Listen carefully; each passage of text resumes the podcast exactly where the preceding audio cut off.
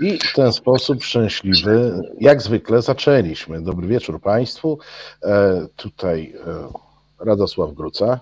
Dobry wieczór Państwu. A ja się nazywam Marcin Celiński i to jest program Bez Wyjścia. Przypominamy, jedyny w polskich mediach e, program poświęcony problematyce polexitów, w którym wskazujemy to, co może nam umykać, czyli w jaki sposób obecnie rządzący wraz z sojusznikami próbują wyprowadzić nas z Unii Europejskiej. Robią to systematycznie i konsekwentnie. E, I to, że z baniek informacyjnych, w których tkwimy, czasami się tylko wyrywa i czasami docierają e, głosy jednoznacznie polexitowe, to nie znaczy, że one są rzadkie. One są codziennie E, one są e, konsekwentne i one są, e, wierzcie Państwo, bardzo spójne, co najbardziej martwi. O ile Zjednoczona Prawica potrafi być kompletnie niespójna w bardzo wielu sferach życia, no, o Polskim Ładzie tutaj tylko wspomnę, potrafią być koszmarnie niespójni, to w kwestiach polexitowych są idealnie zharmonizowani e, i idealnie zgrani. Konsekwencja level hard. To co? Może opowiemy o tych y, pomysłach, bo są świeżutkie, drodzy Państwo, bardzo newsy. Mianowicie na razie skupimy się tak naprawdę na temacie rozmowy, którą przeprowadziłem e, dwie godziny temu z profesorem Arturem Nowakiem Farem ze Szkoły Głównej Handlowej. No ale trzeba powiedzieć, bo może jeszcze Państwo nie wiecie, że e, Mateusz Morawiecki w płomiennym wystąpieniu sprzed pół godziny wezwał Donalda Tuska do tego, żeby zrezygnował z Europejskiej Partii Ludowej, z przewodniczenia Europejskiej Partii Ludowej. I drodzy Państwo, no, słowa padły różne, ciekawe. Generalnie uzasadnienie jest bardzo proste, znaczy Europejska Partia Ludowa to jest lansowany przez PiS mm, e, wątek e, stale jest e, prorosyjska. Tutaj przypominany jest oczywiście Nord Stream słusznie, ale nic innego nie jest brane pod uwagę. No i właśnie dziś wyszedł Mateusz Morawiecki i bardzo, bardzo ciekawe mm, słowa padły, bo mianowicie, mm, co wydaje mi się być takim podejściem e, prętem po kracie, bo mnie to przynajmniej e, denerwowanie psa prętem po kracie, bo mnie przynajmniej to poirytowało, bo zwrócił się Donalda, do Donalda Tuska, panie Donaldzie, warto być przyzwoitym, warto zrezygnować z funkcji przewodniczącego EPL. Wiesz co, w klasyce, w klasyce polskiej literatury jest na to bardzo dobre określenie na tego typu postawę. I tu zacytuję Henryka Sienkiewicza: Diabeł się w ornat ubrał i ogonem na mszę e, dzwoni, bo jeżeli Mateusz Morawiecki mówi o przyzwoitości, e, no to jesteśmy w jakimś takim zupełnie abstrakcyjnym otoczeniu, no ale to też e, dodajmy e, kontekst e, i to, bo ja już widzę te maile, które krążyły, wprawdzie w tej chwili, proszę Państwa, maile Dworczyka nie są mailami, tylko są na jakimś komunikatorze bardzo tajnym, ale to zaczekajmy, na pewno screeny też zobaczymy, znając zaradność E, Dworczyka et consortes, to ja już widzę tę e, dyskusję, jaka była. No bo Donald Tusk zaapelował do premiera Morawieckiego, e, żeby ten nie brał udziału w madryckim spotkaniu partii putinowskich w Europie. Zaapelował ze względu na sytuację na Ukrainie, na Ukrainie żeby Morawiecki nie uczestniczył w sabacie antyukraińskim, chyba tak Donald Tusk to e, określił. I ja już widzę, jak tam było. No trzeba zareagować. Pomysły, pomysły, tak? Już tam Morawiecki pisze. Dworczyk mówi, to może szybki wywiad w TVP z kimś miłym. A nie, to może w Polsacie jakiś taki w telewizji śniadaniowej. A ktoś E, a ktoś w końcu przytomnie zauważa, nie, wezwijmy Tuska, żeby wycofał się z e, Europejskiej Partii Ludowej, bo tam jest to CDU. E, napiszmy wszystkim, że CDU jest prorosyjskie i proszę, mamy symetrię zbudowaną, tak, przynajmniej dla wyznawców PiS, mamy zbudowaną symetrię. Z jednej strony partie finansowane przez Putina, z drugiej strony CDU. No i w takim razie, Tusku, jeśli ty chcesz, E, żeby Morawiecki nie brał udziału w e, kongresie partii, z których połowa jest finansowana przez Putina i są jednoznacznie prorosyjskie, to ty zerwij z tą prorosyjską e, CDU w ten symboliczny sposób. Ale wiesz, no, przekaz jak przekaz, ale ja czujesz, jakie tam te informacje leciały, co, co tu zrobić, co tu zrobić, jak, jak zareagować, dobra, może tak, może, dobra, walniemy w CDU, to ja powiem więcej, to ja powiem więcej, bo tutaj bezpośrednią przyczyną jest jedna z ostatnich e, wypowiedzi Marine Le Pen, która jest oczywiście jedną z najbardziej rozpoznawalnych, tak z twarzy bym powiedział, sojuszników e, PiSu, jej front narodowy. E, I było tak, drodzy Państwo, Marcin tego nie widział, bo się przygotowywał do programu, a ja widziałem, bo już byłem przygotowany i mogę Państwu powiedzieć, że. Tym... już, już wiecie, kto w tym gronie jest prymusem. Ale ja zawsze siedziałem w ostatniej ławce. No. Tak jest, a ja, ja nie przychodziłem na lekcje. A ty, byłeś tą, to, to, ty byłaś tą y, dziewczynką z warkoczem w pierwszej ławce. No. Tak, jak bywałem na lekcjach. W każdym razie y, było tak, że y, też media się dopytują o wypowiedzi Marine Le Pen, w których ona mówi, że Rosja, że Ukraina jest rosyjską strefą wpływów, bo tak dokładnie mówi. Czyli de facto no, odpieprzcie się się od tego, co robi e, Władimir Putin. No przepraszam, ale tak mi się to kojarzy. E, I e, pytany, znaczy premier oczywiście w ramach swojego dialogu z opinią publiczną za pośrednictwem dziennikarzy wyszedł, powiedział te swoje formułki, powołał się na powiedzenie Władysława Bartoszewskiego, profesora, co mnie po prostu no rzeczywiście troszeczkę zagotowało, ale jak już skończył oświadczenie i padło pytanie o to, co, co on może powiedzieć o Marine Le Pen, to już się odwrócił napięcie i słychać było tylko jego kroki.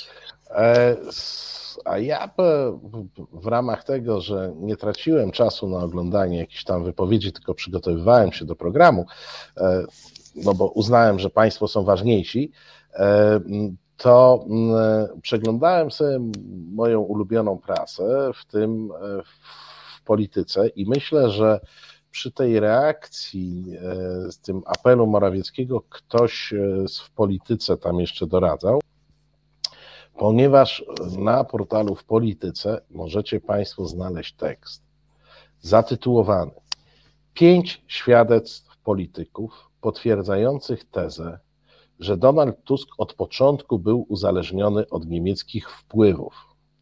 E, zaoszczędzę Państwu mm, obszernych cytatów, powiem o co tam im chodzi. Otóż e, oni e, wracają e, pamięcią do roku 91, 1991 i do krążących wówczas pogłosek, których ja nie, nie, ani nie zdementuję, ani nie potwierdzę, bo nie mam wiedzy, że CDU E, udzieliło jakiejś pomocy finansowej Kongresowi Liberalno-Demokratycznemu, e, któremu przewodniczył wtedy e, Donald Tusk.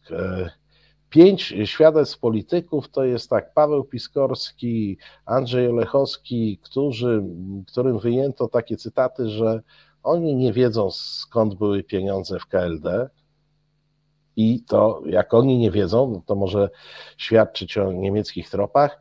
No i uwaga, najważniejszy e, cytat, cytat e, z książki Jarosława Kaczyńskiego, który to Jarosław Kaczyński w książce, jaką to tam, Przeciw monowładzy, tak, taki podtytuł jest tam, to, takie jego wielkie dzieło wiekopomne. On tam pisze, że CDU proponowało porozumieniu centrum współpracę, ale ponieważ upierało się przy regionalizacji Europy, to PC to odrzuciło e, i wtedy CDU całe te pieniądze, które, bo tak, tak jest w podtekście, e, e, które miały być przekazane dla porozumienia centrum, to przekazało KLD. Ile tych pieniędzy było i jak przekazało, to nie wiadomo, ale na pewno były wielkie i na pewno uzależniły Tuska od Niemców. To jest, ja Państwu sentencję przeczytam, bo ona jest smakowita. Na pytanie kobiety z Mińska, E, która pytała Tuska, dlaczego sprzyja Niemcom. Pamiętacie parę dni temu, jak Donald Tusk był w Mińsku, to ktoś taki e, się pojawił. Odpowiedzieć można kwotami z wieloma zerami na końcu. Nie wiemy jednak dokładnie, jak wielki był niemiecki doping finansowy dla Tuska właśnie 30 lat e, temu. Zobacz, jak to się w tej narracji wszystko pięknie spotyka. I już tak, tak Tusku, zostaw to CDU, bo CDU jest prorosyjskie, a tak naprawdę 30 lat temu, Tusku, to ty dostałeś kupę pieniędzy.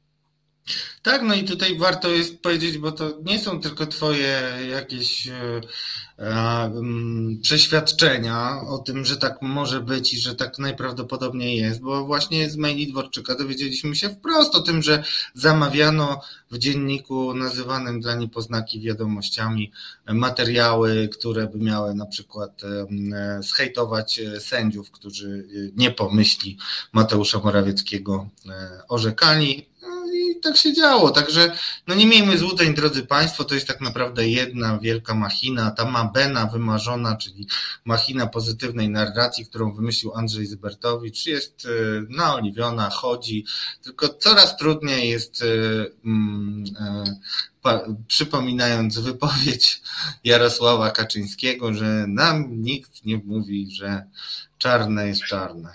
A białe jest białe. E, ja zresztą zatrzymuję, e, zatrzymuję na część e, Polexit Newsów, do której przejdziemy, takie zestawienie tylko z dwóch dni tekstów z portalów w polityce, tekstów polexitowych, ale polexitowych, znaczy one nie są antyeuropejskie oczywiście, one są przeciw czwartej Rzeszy. E, to, to, ale to zaprezentuję potem, przy, bo uważam, że to e, widać pewną e, linię narracyjną. No widać. Chętnie też posłucham i nie będę na razie przedłużał.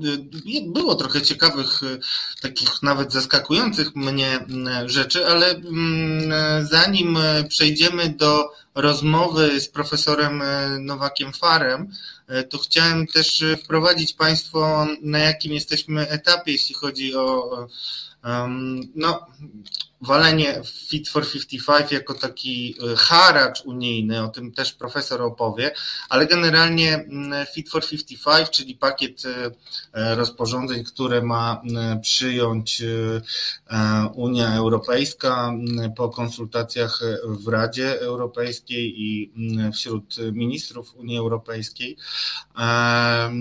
I już dwa dni temu Piotr Muller, rzecznik rządu, czyli tak jednak e, no, odpowiadający za linię, e, powiedział, że w żadnym wypadku nie zgodzimy się na e, taki kształt Fit for 55. Czym jest Fit for 55?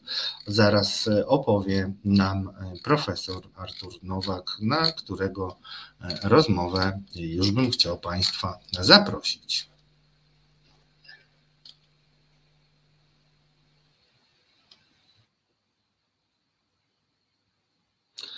Dobry wieczór Państwu, a naszym gościem jest profesor Artur, Artur Nowak-Far y, ze Szkoły Głównej Handlowej. Nagrywamy tę rozmowę kilka godzin przed emisją. Dobry wieczór Panie Profesorze. Dobry wieczór Panie Redaktorze, dobry wieczór Państwu. Panie profesorze, zaprosiłem pana, e, żeby pan e, dokończył myśl z ostatniego programu i opowiedział nam o tym, na ile prawdziwa jest groźba polskiego rządu, że może mm, no, wypowiedzieć pakiet klimatyczny, ale żeby o tym porozmawiać, warto parę słów powiedzieć o tym, czym jest pakiet klimatyczny i czym jest Fit for 55, ta mm, nazwa, która pewnie niektórych Polaków nieanglojęzycznych może e, wprawiać e, w pewien e, niepokój. Panie profesorze, z czym mamy do czynienia? Mm, tak jak ja rozumiem, pakiet klimatyczny to jest pakiet, który stanowi zobowiązania międzynarodowe, tak zarówno Polski, jak i samej Unii Europejskiej, odnoszące się do ochrony y, mm, środowiska naturalnego, konkretnie powietrza, przed zanieczyszczeniami, które powodują e, y, rozgrzanie się kuli ziemskiej i te wszystkie niepokojące zjawiska e, klimatyczne. Aby ten trend odwrócić, państwa świata zobowiązały się do tego, żeby e, zadbać o emisję CO2, bo to jest ten gaz, który w największym stopniu powoduje efekt e, nagrzania, e, do określonych poziomów. Unia Europejska jest elementem tego, tej układanki, Polska w tym kontekście również, więc wypowiadanie pakietu klimatycznego spowodowałoby, że Polska byłaby trochę na obrzeżach rozwiniętego świata, może nawet mocno na obrzeżach rozwiniętego świata, dlatego że wszystkie państwa e, roz, rozwinięte e, chcą e, zadbać o to, żeby przegrzania klimatycznego nie było, ale również, co jest bardzo ważne, chcą w tym zakresie wspólnie, ale także każdy z osobna, zadbać o wypracowanie technologii, produkcji energii, która jest bardzo ważna w ogóle sama w sobie dla rozwoju cywilizacyjnego, takiej, którą, za pomocą której, czy poprzez którą będą w przyszłości konkurować między sobą. A Polska wypowiadając pakiet klimatyczny spowoduje, że, jest, że zapisze się do kolejki poza w ogóle tą konkurencją. To, to, może na, to może na chwilę przejdźmy do tych argumentów, takich najbardziej, najczęściej powtarzanych. No mówi się o tym, że zgodziliśmy się, a dokładnie zgodził się rząd e, Ewy Kopacz e, i Donalda Tuska na to, żeby Polska płaciła rodzaj haraczu w związku z tym, że przystąpiliśmy do systemu handlu emisjami EU ETS. Chciałbym spytać e, odnośnie tego, co Pan powiedział, to znaczy potrzeby wypracowania nowych e, źródeł, e, odnawialnych źródeł e, energii, to znaczy energetyki, która by była na nich oparta. Temu też ma służyć ten system handlu emisjami, o czym się nie mówi. Czy mówienie o tym, że to jest jakiś haracz Unii Europejskiej jest zgodne z prawdą? Nie, dlatego że on wyjmuje jeden element z całości. To jest tak, jakby powiedzieć, że nałożono na wszystkich obywateli Polski haracz, który polega na tym, że jak przejdą na czerwonym świetle, to dostaną mandat. Sugeruje się, że wszyscy, sugeruje się, że po prostu oni wszyscy będą przechodzić na czerwonym świetle, a tymczasem wcale tak nie jest a to nie jest żaden haracz i to jest element szerszej układanki, o, których, o której już mówiliśmy. To znaczy, e, my zobowiązaliśmy się do ochrony powietrza przed zanieczyszczeniem, a w tym zakresie otrzymaliśmy również e, obietnicę, która jest, która jest spełniona, określonego wsparcia finansowego wszystkich poczynań, które w tym zakresie jesteśmy w stanie powziąć, e, podjąć w naszym państwie. A to również oznacza, że nasze wysiłki do wypracowania zupełnie nowych, innowacyjnych technologii w zakresie niskoemisyjnej gospodarki też byłyby wspierane i mechanizm ten ETS służy do tego, żeby po pierwsze pokazywać czy nakazywać albo poniekąd karać e, za nadmierną emisję, ale jednocześnie te kary, które są płacone w ogóle do budżetu krajowego, a nie w ogóle do Unii Europejskiej, to też trzeba podkreślić, one mają być użyte właśnie na wsparcie tej, tego wysiłku gospodarki, żeby przejść na niską, czystą technologię, niskoemisyjną, czystą technologię.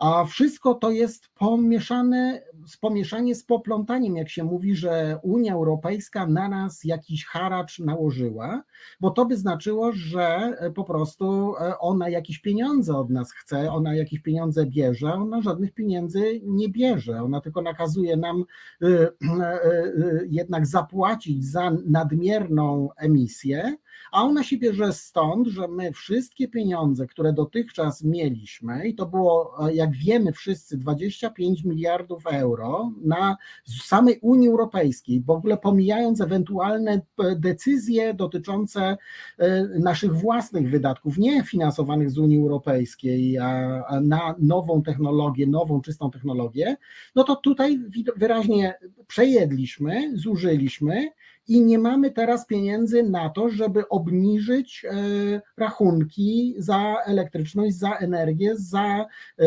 różne e, tego rodzaju rzeczy naszym własnym obywatelom. No i oczywiście następuje, wchodzi tutaj wielka polityka, taka wielka, taka no, wielka mała, bo ta nasza. No wielka mała, też o tym pomyślałem. Wielka mała, dlatego, że, że wyraźnie, przepraszam, że wchodzę w słowo wielka mała, bo widać wyraźnie, że tutaj mamy do czynienia z kolejną odsłoną e, polityki zagranicznej, która jest tylko funkcją polityki wewnętrznej. Widać, że to się nakłada na spór e, Zbigniewa Ziobro z Mateuszem Morawieckim. No, Zbigniew... Ja tego nie wiem, ja tylko wiem, że to jest poetyka z, z przedszkola. To nie ja, to, to Kazia. A, więc krótko mówiąc, to nie ma, nie ma sensu. Tutaj e, wymaga się jednak od każdego jednego rządu e, dużej dojrzałości, dużej odpowiedzialności, przenikliwości i strategicznego myślenia. Teraz ostatnio często powtarzanym argumentem są wyliczenia analityków jednego z banków, analityków Polskiego Instytutu Ekonomicznego, że Fit for 55 będzie wymagać inwestycji szacowanych na około 500 miliardów euro rocznie do 2030 roku, czyli o 350 miliardów euro więcej niż w latach 2011-2020 to powiedzmy sobie, co to jest to Fit for 55, jeżeli mamy na to ułożyć tak olbrzymie kwoty? Jeżeli Ale to znowu, panie redaktorze, co to znaczy ułożyć na to takie Znaczy kwoty, inwestować, oczywiście. Jakby tak. ktoś miał brudne mieszkanie i, i teraz ktoś mu powiedział, wiesz, mamy nawet dla ciebie troszkę pieniędzy, ale wyłóż też trochę własnych, bo, będzie, bo musisz mieć czyste mieszkanie. Więc to nie jest to tak, że to po prostu e, ktoś nas tutaj przymusza do działań, które są wbrew naszym własnym interesom. I te pieniądze oczywiście są w, w skali ogólnoeuropejskiej, nie, niekoniecznie, e, niekoniecznie tylko i wyłącznie polskiej. E, Fit for 55 to jest e, pakiet legislacyjny składający się z wielu, z wielu, z wielu elementów, e, które są unijną odpowiedzią na wyzwanie dotyczące tego, że trzeba zredukować emisję szkodliwych substancji do powietrza, zwłaszcza CO2, i że trzeba coś w tym zakresie zrobić tworząc zachęty do tego, żeby można było inwestować w takie właśnie działy, które gospodarki, w których może się pojawić ta nowa technologia, zniechęcić do inwestowania i, i, i, i tworzenia, rozwijania takich działów, które wiadomo, że będą tylko i wyłącznie coraz więcej emitować tych szkodliwych substancji, no i skłaniać państwa do takiego odpowiedniego ukierunkowania swojej własnej polityki i ochrony środowiska i sprzężonej z nią, co jest bardzo ważne,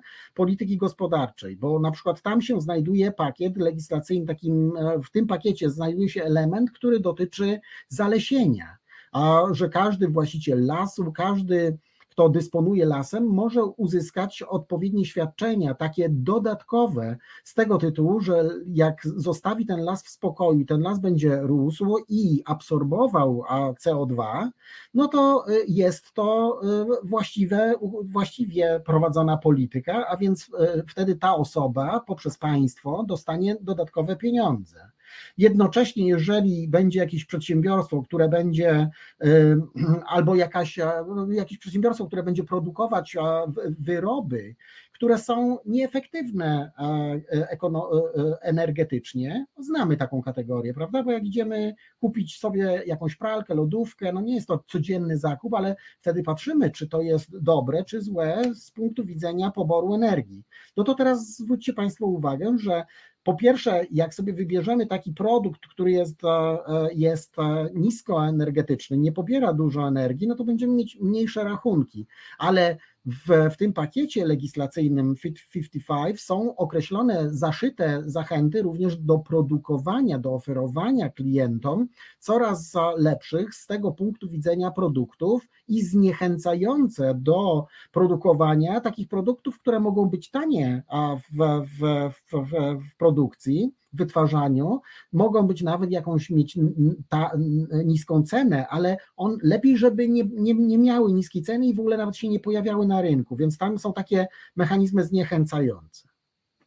Panie profesorze, Zbigniew Ziobro zapowiedział, że skieruje do Trybunału Konstytucyjnego wniosek o zbadanie, czy tryb przyjęcia decyzji o drastycznej zmianie systemu drastycznej to jest oczywiście określenie mm, Zbigniewa Ziobro, drastycznej zmianie systemu EU ETS, na którą zgodził się Donald Tusk i Ewa Kopacz, nie naruszał przepisów Konstytucji RP. No niestety wracamy trochę do naszej ostatniej rozmowy, e, zdaje mi się, odnośnie stosowania czy używania Trybunału Konstytucyjnego do dyskusji z TSUE tak naprawdę, bo to przede wszystkim do tego e, się, to jest podstawowy cel polityczny, ale chciałem zapytać, może to jest jednak trochę inna sytuacja, e, panie profesorze, czy, e, czy, czy to w ogóle pana zdaniem powinno podlegać kontroli Trybunału Konstytucyjnego, bo to wpisuje się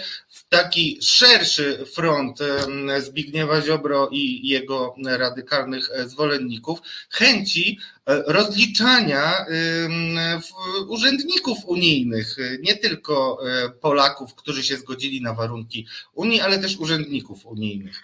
W moim, w moim, przekonaniu to jest drastycznie niemożliwe, dlatego że Trybunał Konstytucyjny, jeżeli sobie nie przypisze jakiś, znaczy ten organ do, do orzekania o. Który kiedyś był Trybunałem, tak. No nie wiem, no tam nie chcę dyskutować, lepiej jest to neutralnie powiedzieć organ powołany do kontroli ustaw z konstytucją, to on nie ma kompetencji do tego, żeby kontrolować tutaj akty prawne wydane na podstawie traktatu. No wpierw kolejność powinna być taka, że ten traktat powinien być kontrolowany. On już był kontrolowany, a, a jak już został przyjęty, no to jest prawem w Polsce i to jeszcze nadrzędnym. No ale to wracamy do jakiejś dyskusji, która nas zawieździe nie do tematu naszego dzisiejszego spotkania. E, e, e, I, I, jakiekolwiek otwieranie takich furtek, że my tutaj za pomocą tego organu będziemy jeszcze jakby tworzyć warunki do jakiegoś rozliczania urzędników unijnych e, z, z, z ich działań, e, no, jest, jest zadziwiające, zostawmy to, i dosyć egzotyczne. Jestem ciekawy, co ten organ zrobi, bardzo, ale to na zasadzie oglądania raczej czegoś, co tak do końca powagi nie zachowuje. Tak? Znaczy, politycy w Polsce często y, używają różnych e, sloganów, skrótów myślowych albo wręcz nieprawd w opisywaniu rzeczywistości prawnej i w opisywaniu tego, czym jest Unia Europejska.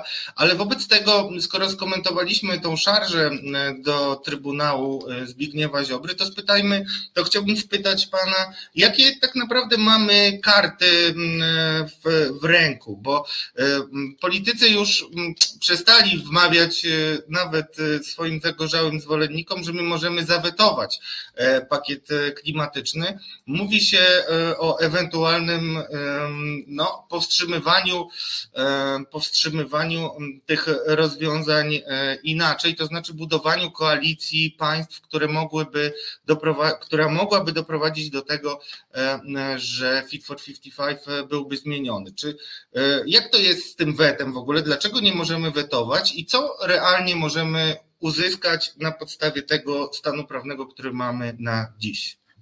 nie możemy wetować, dlatego że to jest, w, znajduje się ta, ta cała materia fit, fit, fit, fit, for 55 poza jednym aktem prawnym, o którym zaraz powiem, znajduje się w, w, w obszarze kompetencji dzielonych, a pomiędzy państwa członkowskie a Unię Europejską i w, i w ramach kompetencji, w ramach y, głosowania kwalifikowaną większością głosów, więc to w ogóle nie, nie ma tam jednomyślności. My możemy sobie naciskać pedał gazu, ale on tam po prostu nie działa, więc wciskamy, będziemy wciskać, wciskać, a pojazd będzie jechał może nawet e, szybciej niż, niż byśmy się spodziewali. Jedyny e, składnik tego całego pakietu Fit for 55 to je, taki, w którym jest jednomyślność, to jest element dotyczący opodatkowania energii zmiany, krótko mówiąc, istniejących już regulacji dotyczących opodatkowania energii. E, w taki właśnie sposób, o którym mówiłem, żeby zachęcał do większej e, sprawności energetycznej, mniejszego zużycia energii i również e, dawał pewne fory energii produkowanej z, ze źródeł zielonych. Natomiast w pozostałym zakresie to nie miałoby sensu. Te zapowiedzi były takie e, no, przedwczesne. Natomiast mój, moja reakcja co do tego, że należy budować, jeżeli się chce cokolwiek tutaj zatrzymać, zmienić, zrewidować, utrudnić, no nie wiem, jakie, jakie tam cele polityczne sobie by rząd wyznaczył, to budowanie koalicji nie jest niczym złym. No może się rząd nawet nauczy te koalicje budować. Problem polega na tym, że trzeba do koalicji, żeby je zbudować, znaleźć te inne państwa, które e, będą czuły wspólnotę interesów. E, e, bardzo warto obejrzeć ten teatr, dlatego że ten teatr również nam ujawni, jak to z tą siłą przetargową i ze zdolnością koalicyjną naszego państwa obecnie jest, bo ja myślę, że nie jest za dobrze i nawet z wielu powodów innych, tak żeby się nie przyklejać do Polski z jej problemami, z, z praworządnością i tak dalej, to tutaj rząd będzie miał z, z pozyskiwaniem e, zwolenników do swoich jakichś e, koncepcji strategicznych. Ale tak jak mówię, no nic e, co do zasady w tym złego nie ma, że wiedząc, że trzeba zbudować jakąś mniejszość blokującą, no to się próbuje ją zbudować. To akurat jest e, z punktu widzenia rządu e, strategia, która ma ręce i nogi. Ta pierwsza, oparta na wecie, no to nie miała nigdy rąk i nóg. No właśnie, ale to pytanie mm, o tę strategię, bo mm, patrzę na e, nasze dokonania, przynajmniej tej ekipy rządzącej. Ja sobie nie przypominam, żebyśmy jakąkolwiek koalicję zbudowali. Nie wiem, może pan profesor mnie poprawi. E, natomiast e, pytanie o to, mm, na ile to jest w ogóle pomysł do realizacji? Czy myśli pan, że to jest w ogóle jakakolwiek realna możliwość rządu? Czy to jest tylko takie po prostu odkładanie tego na e, kolejne miesiące, być może lata, e, a realnie nie mamy żadnych szans? Ja nie umiem powiedzieć, dlatego że to jest kwestia raczej jakiejś analizy politologicznej niż, niż, niż prawnej, ja jednak tym się zajmuję, czy nawet ekonomicznej. Natomiast no, moje doświadczenie dyplomatyczne a, nakazywałoby mi tutaj du, dużą ostrożność radzić rządowi, dlatego że jak a, y, rząd parokrotnie już zapowiadał zbudowanie tych koalicji różnych, bo to przy różnych okazjach już troszkę z tym było i nie zdołał tego zrobić, to później a, y, brnie w coraz Y, taką ciemniejszy zaułek, coraz y, większą i ciemniejszą i węższą ślepą uliczkę, dlatego że traci również wiarygodność w tym zakresie. Tak ludzie, te inne państwa tak widzą, że to w zasadzie nie warto nawet tak w przedbiegach mówić, że, że ewentualnie by się dołączyli, bo przecież na końcu się okaże, że znajdą się z tą Polską, z, to, z tymi jakimiś problemami y, w, razem, zupełnie niepotrzebnie właśnie w, tej, w tym ciemnym tym załuku, już lepiej zostawić tę Polskę, niech, niech idzie w tamtą stronę, no i najwyżej jej damy rękę, żeby ją stamtąd wyciągnąć.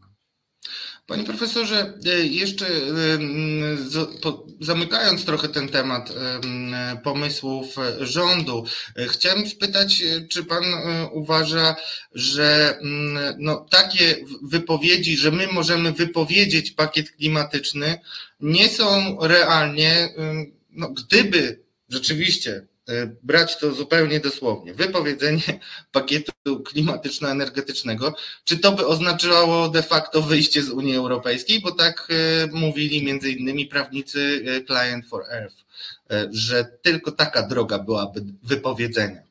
Nie, to jest takie za, za dramatyczne, to znaczy no, chyba, wy, wygląda na to, żebyśmy mieli poważny problem z wykonaniem zobowiązań po prostu, które na nas ciążą, ale jestem w stanie, w stanie, w stanie sobie wyobrazić sytuację, no, w której my płacimy jeszcze następne kary za niewykonanie określonych aktów przyjętych już e, aktów prawa unijnego, będącego składnikami tego 55. Ale tutaj moim zdaniem e, gubimy zasadnicze jądro tego, tego problemu, który się stąd w tym pojawia.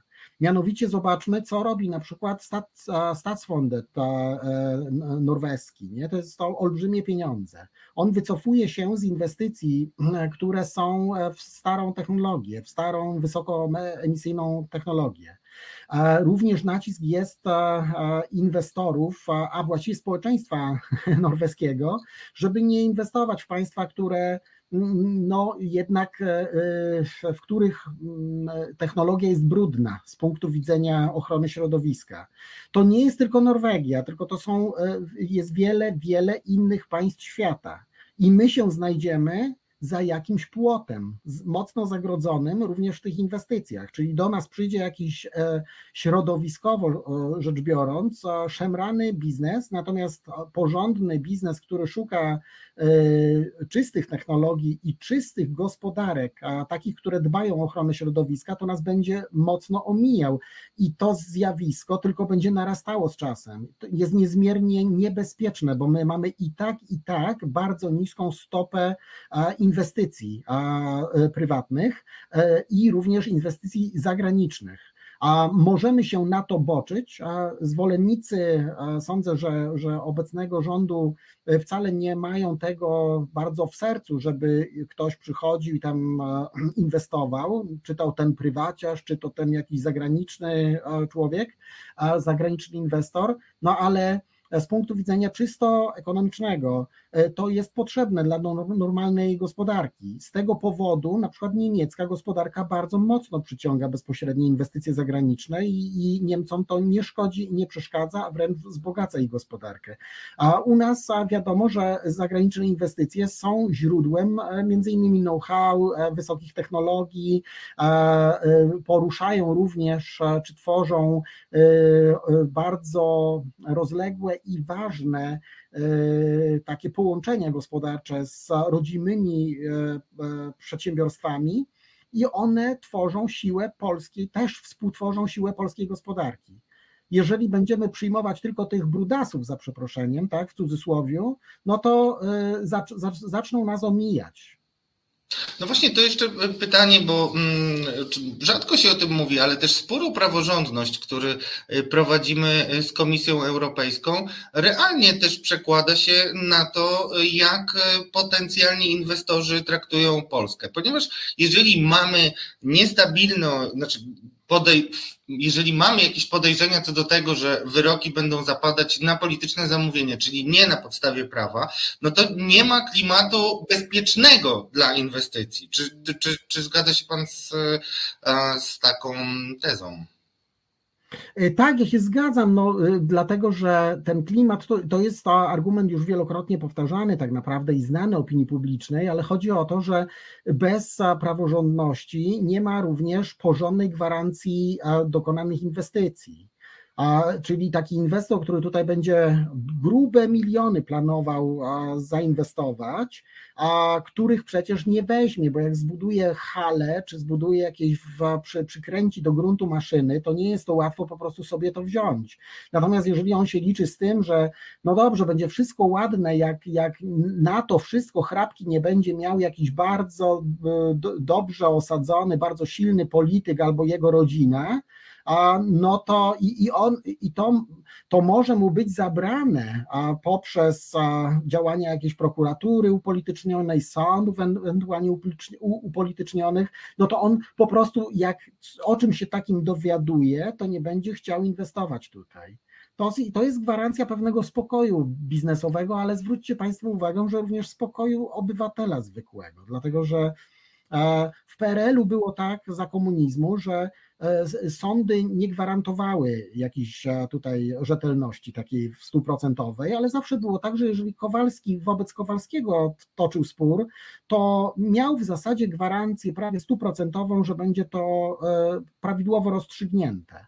Natomiast jak po drugiej stronie się w takich systemach, to, to, to różnych takich skrzywionych pojawia wpływowy polityk, no to już nic nie wiadomo.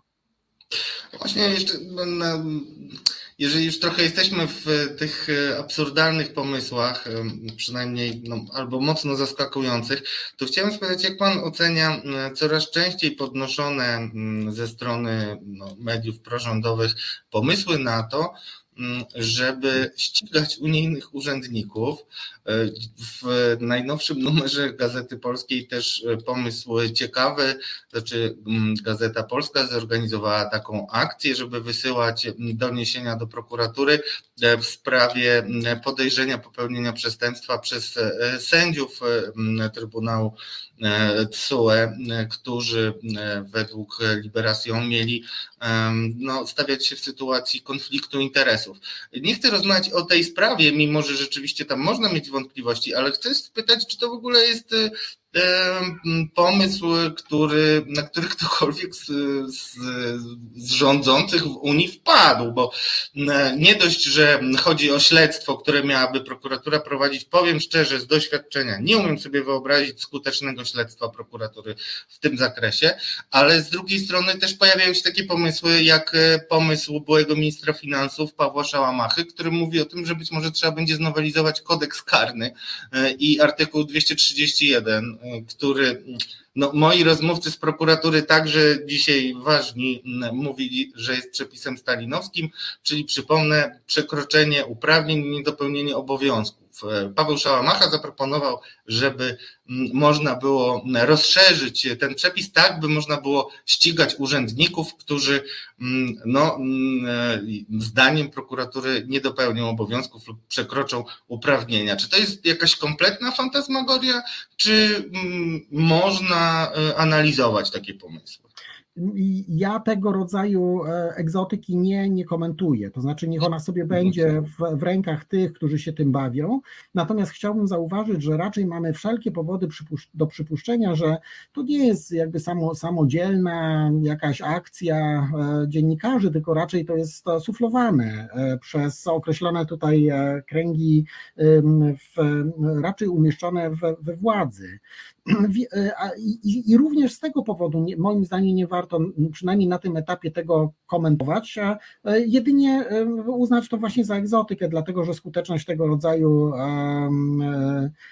regulacji nie jest, nie jest duża, ale poza tym jest tu pewien, pewne drugie dno, dlatego że zwykle tego rodzaju regulacje, takie, które sięgają, gdzie ręce naszej sprawiedliwości sięgają za granicę, są raczej zastrzeżone, bo są, ale zastrzeżone do bardzo poważnych zbrodni, na przykład ludobójstwa, zbrodni wojennych, e, e, poważnych zbrodni na obywatelach polskich. Więc my po prostu no, zaczynamy deprecjonować tutaj te konstrukcje prawne poważne na naszego własnego e, systemu prawnego poprzez wtykanie tutaj jakichś rzeczy, które są po prostu kompletnie nie, nieprzystające do, do wagi tego rodzaju regulacji regulacji. Więc w tym kontekście to widzę to jako raczej psucie prawa. Ale to, jak już mówimy o nieprzystawaniu do, do, do, regulacji, do praktyki, no to też podobne wrażenie albo przekonanie można zbudować e, na podstawie ostatnich informacji dotyczących stosowania e, Pegasusa w stosunku do między innymi pani prokurator Wrzosek, pana mecenasa Romana Giertycha, ale także Krzysztofa Brejzy. Dlaczego wymieniłem w tej kolejności? No bo trudno uznać, że pani prokurator, a nawet Roman Giertych przy jego całym zapędzie do rozliczania PiS nadawaliby się do inwigilacji tak potężnym e, narzędziem. Ono jest jednak zarezerwowane do wyjątkowych przypadków. I chciałem pana spytać, czyli do na przykład terrorystów. I chciałem pana spytać, jak ta historia pegazusowska może wpłynąć e, na postrzeganie Polski, ale skupiając się na kwestii gospodarczej. No, negatywnie, dlatego że to oznacza brak e, tutaj odpowiedniej mechanizmów kontroli nad tego rodzaju narzędziami. A trzeba pamiętać, że przedsiębiorstwa mają swoje własne tajemnice handlowe a one mają takie tajemnice, które są w, w, dodatku chronione przez państwo. I u nas są dwa aspekty tego, tej ochrony. Mianowicie, e, w moim przekonaniu, u nas źle wykonano w ogóle dyrektywę unijną, nie, nie w pełni, a dyrektywę unijną, która dotyczy ochrony tajemnic przedsiębiorstwa, ale pal go licho, bo można to ostatecznie stosować bezpośrednio, jak sądzę. Natomiast przy tym całym Pegasusie, no to oznacza, że w zasadzie to e, pokazujemy, odsłaniamy jakieś, jakieś takie podbrzusze, które mówi, że, czy w którym widać, że my nie za bardzo jesteśmy gotowi chronić tajemnice przedsiębiorstwa. Proszę sobie z, z, zwrócić uwagę na jedną rzecz, bo my tutaj mówimy o tym, że politycy, czy jacyś wysocy urzędnicy, czy pani prokurator była przedmiotem inwigilacji ale gdyby się okazało, że jakiś poważny przedsiębiorstwa, przedsiębiorca, który ma poważne interesy, był również inwigilowany, no to e, pytamy się cui bono, kto w, w, w czyim interesie. I e, mogłoby się okazać, że po prostu tam były kręcone po prostu e, takie gospodarcze. Naruszenie zasad również E, ochrony informacji w spółkach giełdowych. Tutaj w, za pomocą Pegasusa to wszystko może nastąpić. Jeżeli jest, e, jeżeli by się ten, ten, ten, ten e, Pegasus okazał jakimś użytecznym narzędziem do zrobienia jakichś dużych pieniędzy z tego tytułu przez kogoś, kto ma tam jakiś nieuprawniony dostęp, no to e, znowu mamy taki przykład, e, no jednak naruszenia reguł, takich, które mają znaczenie, poważne znaczenie gospodarcze i będą również odstręczać e, inwestorów od inwestowania w Polsce, czego bym bardzo nie chciał, bo nie ma to sensu. Pewien aspekt gospodarczy tutaj też jest inny, o którym media mało wspominają, bo też mało wiedzy jest, ale no z punktu widzenia takiego zwykłego prawnika, to jest tak, że przecież program tego typu jak Pegasus ma swoją licencję i u nas się mówi, że o, tam za, zabrano ten, ten, ten, tego Pegasusa Polsce, wyrwano z, z, łapek tych ludzi, co tam korzystali z tego Pegasusa, bo oni tam, nie wiem, jaki, działają najpewniej w jakimś państwie uznanym przez Izraelczyków za autorytarne. Proszę Państwa, ten mechanizm mógł być dużo prostszy, mianowicie po prostu naruszono zasady licencji bo wykorzystano ten, ten, ten program, zaczęto wykorzystywać, który w sposób, który ta licencja nie przewidywała. No i z tego powodu już zabawki nie ma. E, ale to no, tak naprawdę my już chyba jesteśmy na tym etapie, bo, bo, o ile na przykład y, rodzinie Kulczyków y, jeszcze nie, przynajmniej nie mamy dowodów, żeby Pegasus w stosunku do najbogatszych Polaków, największych przedsiębiorców był stosowany, ale już sam Roman Giertych, jego inwigilacja po pierwsze jest przedmiotem zainteresowania Naczelnej Rady Adwokackiej, która, e, która wystąpiła z, w obronie i też z pytaniami odnośnie tego, czy on był inwigilowany, ale przecież sam Roman Giertych pracuje dla e, spółek e, giełdowych. Zresztą e, to jest też elementem rzeczy, które mu zarzuca prokuratura, więc tak naprawdę chyba już dziś możemy o tym mówić, że, że ta, bo prawnicy pracujący dla spółek giełdowych no, siłą rzeczy znają różne tajemnice tak. Ale to jest to dlatego, mhm. dlatego to wiemy, bo pan Roman Giertych, pan mecenas Roman Giertych zechciał o tym powiedzieć głośno. Natomiast ja nie chcę oczywiście insynuować, ale warto zwrócić uwagę, że jeżeli byłby jakiś przedsiębiorca polski, który by dowiedział się z, z wiarygodnych źródeł, że był e, podsłuchiwany Pegasusem, to Pytanie jest takie, on od razu by poszedł do mediów i powiedział: Tak, tak, byłem podsłuchiwany. Gospodarka to nie jest ten mechanizm polityczny, a e, ludzie, którzy prowadzą interesy, chcą niekiedy i to z dobrych celów, z dobrych powodów, żeby wobec, w odniesieniu do tych interesów była taka przyjazna, miła, a pozytywna cisza. Oni nie pójdą do mediów i nie powiedzą, nie poskarżą się, że byli podsłuchiwani, bo po co im to? Przecież to odstraszy e, potencjalnych inwestorów, klientów i tak dalej. Więc e, nie, nie, nie liczmy na to, że nagle jakimś wielkim chórem będą przedsiębiorcy mówić, że ich podsłuchiwano. A czy podsłuchiwano, to nie wiem. No nikt tego nie wie jeszcze, chociaż myślę, że się będziemy systematycznie dowiadywać. Jeszcze ostatni e, wątek, e, e, powiedzmy dwuczłonowy. Profesor Pawłowicz podczas rozprawy w tym tygodniu w Trybunale Konstytucyjnym pozwoliła sobie powiedzieć, że przecież konwencję, praw człowieka można też wypowiedzieć.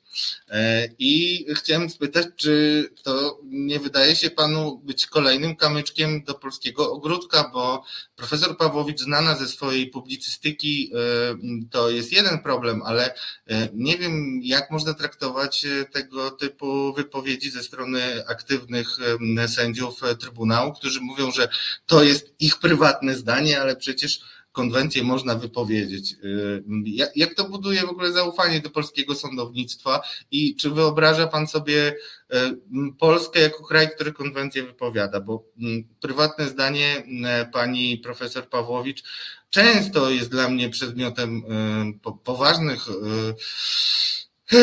różnych e, pytań odnośnie jej kondycji. Natomiast, e, no, e, czy to w ogóle byłoby realne, bo wiele rzeczy, które wydawało się nierealnych, już widzimy w Polsce.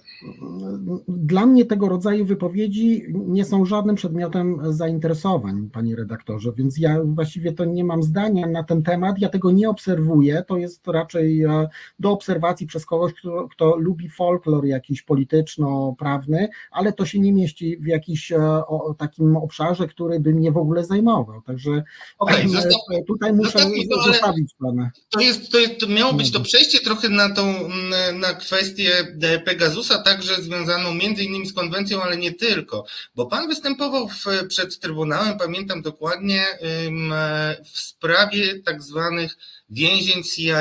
Przypomniało tak, mi się tak. to wtedy, kiedy czytałem pana rozmowę o Pegasusie i pan powiedział, że źle się stało, że ta sprawa wyszła. E, zastanawiam się, mm, na ile pana zdaniem, też patrząc na, Pan zna e, ustalenia pewnie e, komisji, w której brał udział między innymi europoseł Pinior, która miała taki charakter śledczej komisji. Czy taka komisja w sprawie Pegasusa, a przecież sam Pan też podkreślał, że Pegasus to nie jest tylko polski, polski skandal, bym tak powiedział, ale też były przypadki użycia w innych państwach, nawet poza Europą, Europą i także na Węgrzech, u naszego najbliższego, e, przynajmniej mentalnie chyba, e, sojusznika. Czy taka komisja. Nie, oni nas karmią dobrym słowem, Węgrzy. To nie jest żaden nasz sojusznik. Oni nas karmią dobrym słowem. To jest określenie y, Piotra Wielkiego, który to użył e, do, do swojego ambasadora i mówił y, y, wrogo w sumie do Polaków, mówi Polaków należy karmić dobrym słowem, broń Boże nic im tam nie dajcie. No więc e, nasz wielki przyjaciel Viktor Orban karmi nas dobrym słowem zawsze. Natomiast wielkim przyjacielem jest na pewno dla Władimira Putina, do czego nawiązuje też czołówka tego programu. E, ale mówiąc, e, e, już zamykając, bo to jest ostatnie pytanie, panie profesorze, czy taka komisja, którą zapowiada Parlament Europejski ustami między innymi polskich eurodeputowanych, ale nie tylko, ma szansę rzeczywiście doprowadzić do wyjaśnienia i też do jakichś konsekwencji prawnych, bym tak powiedział, no bo więzienia CIA było ich historią, którą żył cały świat, najmniej chyba żyliśmy ją nad Wisłą, e, paradoksalnie, ale to moja ocena. E, natomiast no, pan musiał się na pewno e, zetknąć z ustaleniami Komisji Parlamentu. No i chciałem spytać, czy taka komisja dotycząca Pegasusa ma w ogóle sens poza no, bardzo jasnym znakiem, że jeżeli by do takiej inwigilacji dochodziło, to to nie mieści się e, w, e, no, w myśleniu o demokratycznym państwie, o Polsce jako demokratycznym państwie. Na tym etapie, a biorąc pod uwagę możliwe użycia Pegasusa również w kontekście wyborów parlamentarnych i jak już wiemy o tym, tak, to trzeba by było wyjaśnić to do gołej skóry. A jest to w naszym najlepszym interesie, e, zarówno wewnętrznym, jak i międzynarodowym.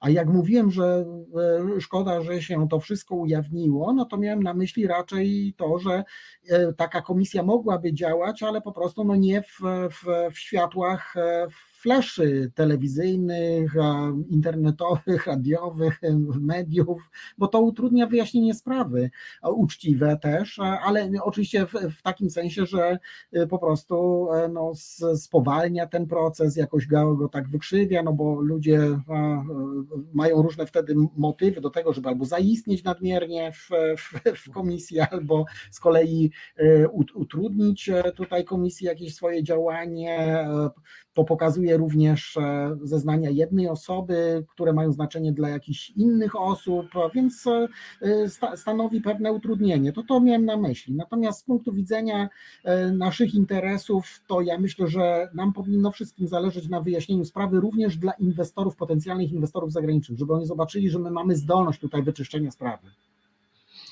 No cóż, mam nadzieję, że tak się stanie. Też uważam, że w interesie nie tylko gospodarczym, ale generalnie w interesie każdego obywatela jest wytłumaczenie, w jaki sposób to się działo. Naszym gościem e, był profesor Artur Nowak-Kwar ze Szkoły Głównej Handlowej. Dziękuję serdecznie za rozmowę, panie profesorze. Dziękuję bardzo. Do zobaczenia. Do zobaczenia. Reset.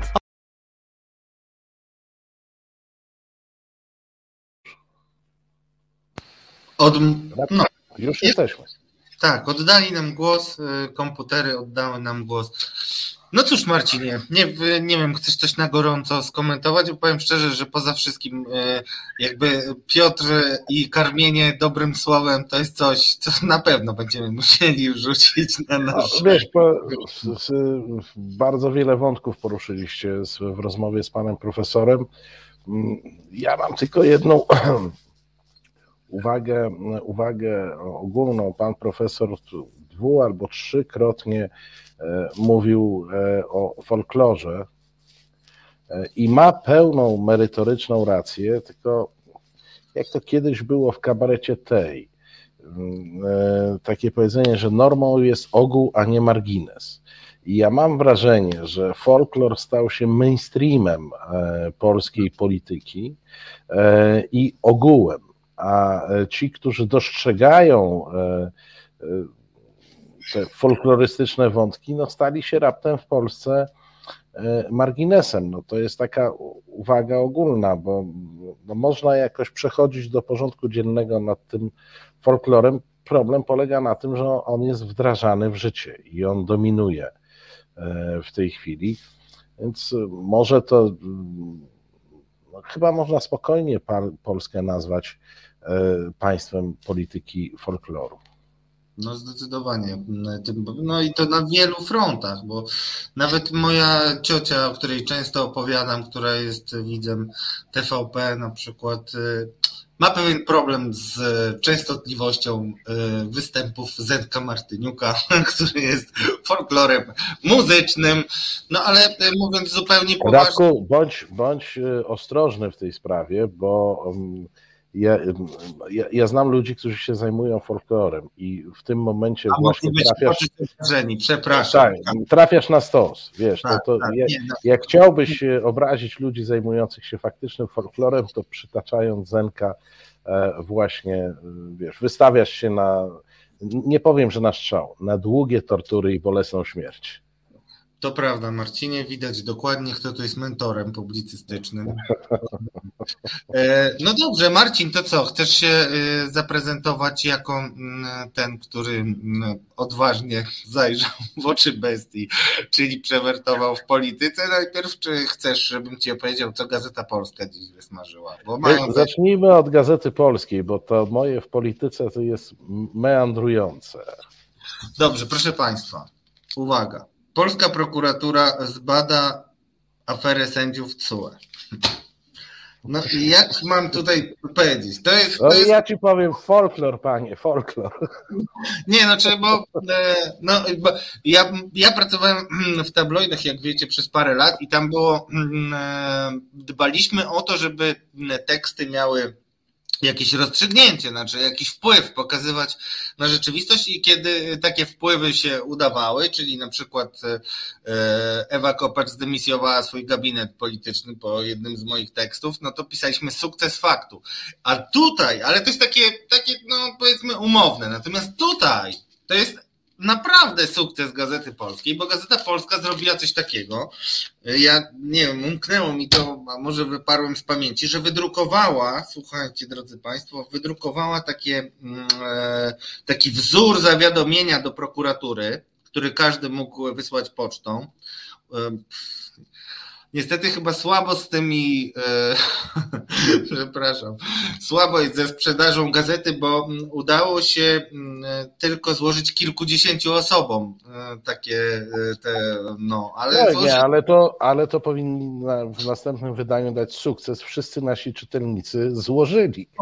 Coś w tym jest.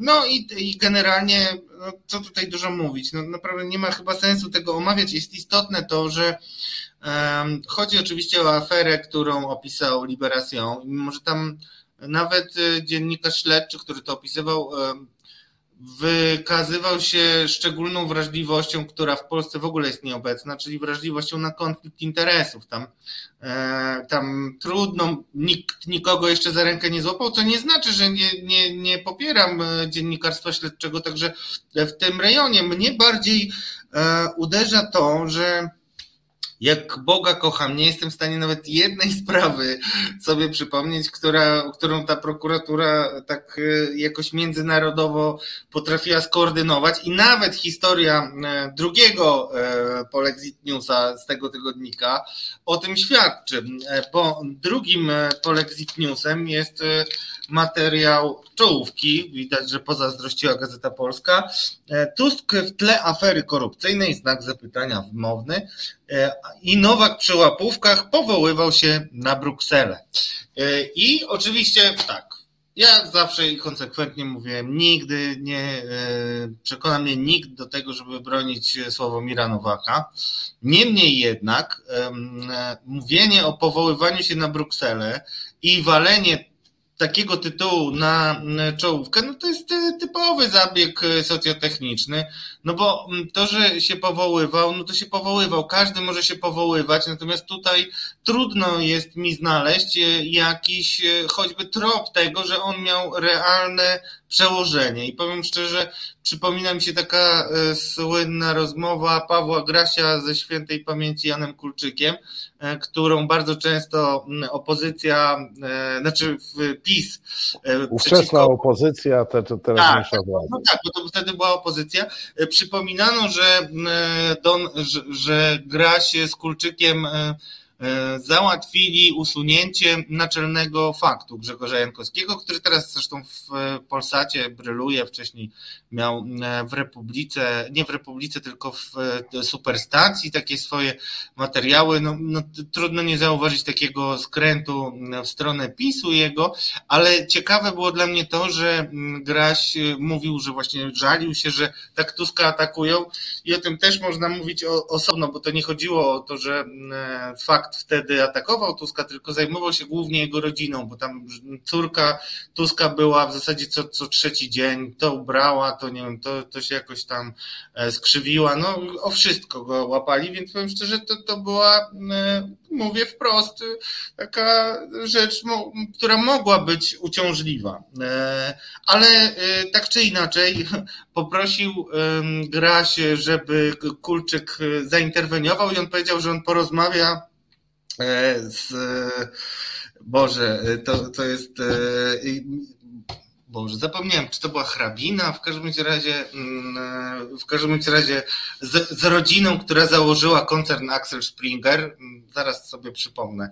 E, I to było takie, powiem szczerze, znając trochę historię rozmów Kulczyka i też kilka rozmów, które potem były ujawniane, to widać było wyraźnie, że no tak, no, że to tak jakby poprosił o wsparcie królowej brytyjskiej tej sprawy, Paweł Graś, E, no i oczywiście Kulczyk powiedział, tak, tak, porozmawiam, ale nigdzie nie było y, nigdy śladu y, takiej rozmowy i nigdy nie było żadnego zobowiązania i to mniej więcej takie jest powoływanie się na wpływ. Wiesz, to, to, to, to jest jedna z moich ulubionych anegdot. Część z Państwa na pewno słyszała, bo ja już użyłem o pewnym swacie spod Biłgoraja, który aranżował małżeństwo jednej pani spod Biłgoraja z księciem Walii i miał 50% sukcesu, bo ona już się zgodziła tylko on mu został jeszcze. E, znaczy, to też, e, dlaczego o tym mówię, e, ta anegdota, żeby Państwo zrozumieli, dotyczy też tego, tego właśnie też śledztwa prokuratorskiego w sprawie sędziów TSUE i też zwracam uwagę, to właśnie my zwróciliśmy uwagę na Pawła Szałamachę, który proponował, żeby rozszerzyć artykuł 231 kodeksu karnego, tak żeby można było ewentualnie ścigać urzędników unijnych, którzy no, szkodzą Polsce, tak, tak mówiąc oględnie. E, a tutaj mamy e, znowu śledztwo, które jak rozumiem jest wszczęte. Ja pozwolę sobie wysłać pytania, bo to świeżutka jest Gazeta Polska, ale e, no, nawet ta historia Sławomira Nowaka no, nie jest naprawdę źródłem chluby dla polskiej prokuratury, bo to Ukraińcy zgromadzili większość dowodów. Znaczy, to oni umożliwili te czynności procesowe, które potem e, w jakiś sposób rozwijała polska prokuratura. Zaczynam się, zaczynam się bardzo martwić o Unię Europejską, bo jeżeli my w ten sposób zaczniemy zarażać e, inne kraje unijne sposobem pracy naszej prokuratury, to faktycznie Unia Europejska osłabnie w sposób znaczny. No cóż, e, także to, to tyle z Gazety Polskiej. Mm, e, może teraz e, dasz szansę braciom Karnowskim, co? Czy, a może no, zróbmy chwilę przerwy, zróbmy chwilę przerwy, żebyś tak się mentalnie naszykował, bo widzę, że... Nie, i, że, i żeby, państwo, żeby Państwo się mentalnie naszykowali, bo to nie będzie lekkie nie będzie.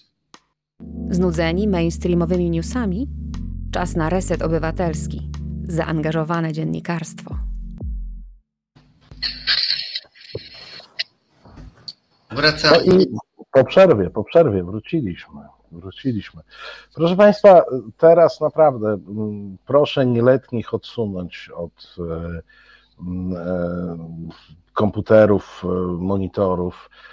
Proszę osoby o słabych nerwach, kłopotach z sercem, żeby po prostu przymknęły oczy, zakryły uszy. E, będzie, proszę Państwa, mocno. E, będzie mocno, bo mm, nie wiem jak Ty, Radku, uważasz, ale ja mm, e, myślę, że o ile do rzeczy to takie jednoznacznie prorosyjskie jest do jakiegoś stopnia E, niezależne od PiSu i mm, raczej stanowi zaplecze intelektualne PiSu niż tubę propagandową, o, o tyle media karnowskich, czyli sieci i te wszystkie odmiany tam w polityce i gospodarce i tak dalej, no nie są w żaden sposób opiniotwórcze i nie wpływają na politykę partii rządzącej, są tylko i wyłącznie tubą e, propagandową, tylko i wyłącznie przekaźnikiem tego, co w partii się E, e, wymyśli.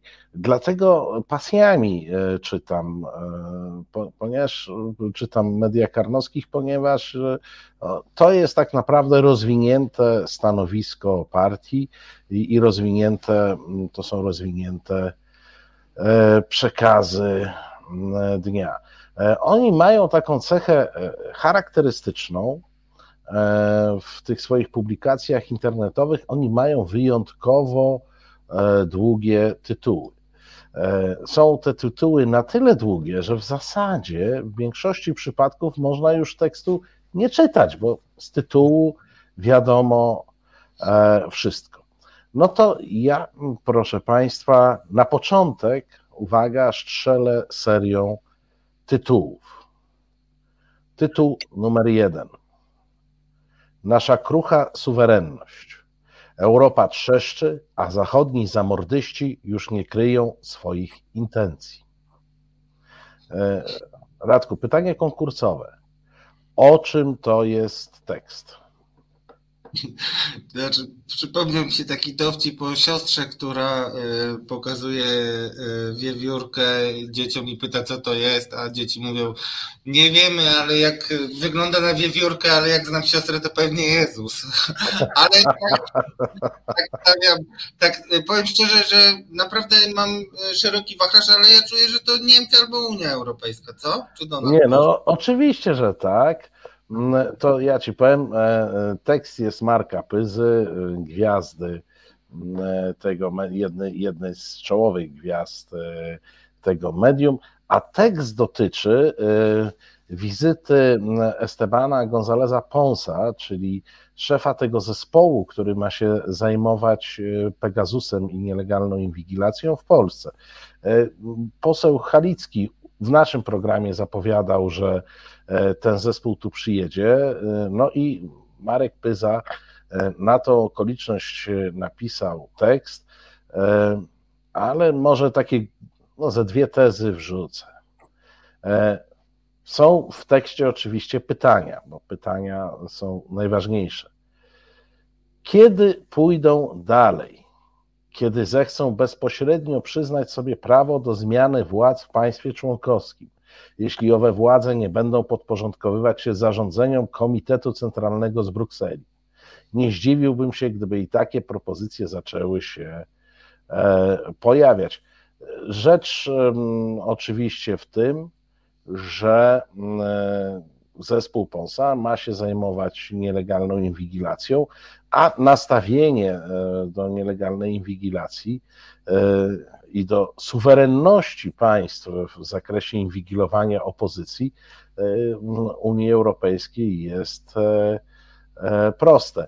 No i, i może jeszcze dorzucę E, dorzucę jakąś taką puentę. Otóż wojna, w domyśle wojna z Gonzalo Ponsem, który tu przyjeżdża, to jest wojna o suwerenność. Kto tego nie rozumie, nie zasłużył na życie w wolnym kraju. E, no dobrze. O pięciu świadectwach polityków potwierdzających tezę, że Donald Tusk od początku był uzależniony od niemieckich wpływów, uwaga, to jest tytuł, to wszystko, co powiedziałem, to już, mm, e, to już mówiłem. E, no, jeśli chodzi o Gonzaleza Ponsa, to nie tylko Marek Pyza nim się zajął, ale także Staszek Janecki, gwiazda TVP. I uwaga, czytam sam tytuł. Nikt z rządu nie powinien nawet spojrzeć na hiszpańskiego bolszewika Gonzaleza Ponsa, szykującego krucjatę przeciw Polsce. Nie będę Państwu streszczał e, tekstu, bo, bo on w zasadzie jest mm, streszczony. E, no i oczywiście nie może e, zabraknąć nie może zabraknąć samego Jacka Karnowskiego. Uwaga, tytuł jego tekstu. Czy opozycja dostrzeże, że stawianie na Niemcy jako na protektora i gwaranta bezpieczeństwa to śmiertelna pułapka. E, ja Państwu powiem, co łączy te teksty, bo to ja mówiłem o pewnej linii narracyjnej.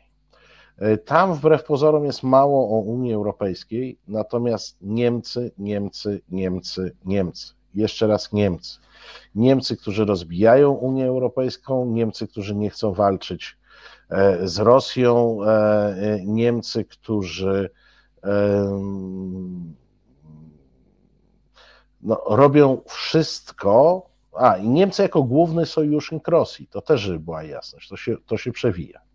E, no ale kolejny, e, kolejny e, tytuł. Prorocze świę, słowa świętej pamięci prezydenta Kaczyńskiego brzmią jak ostatni dzwonek.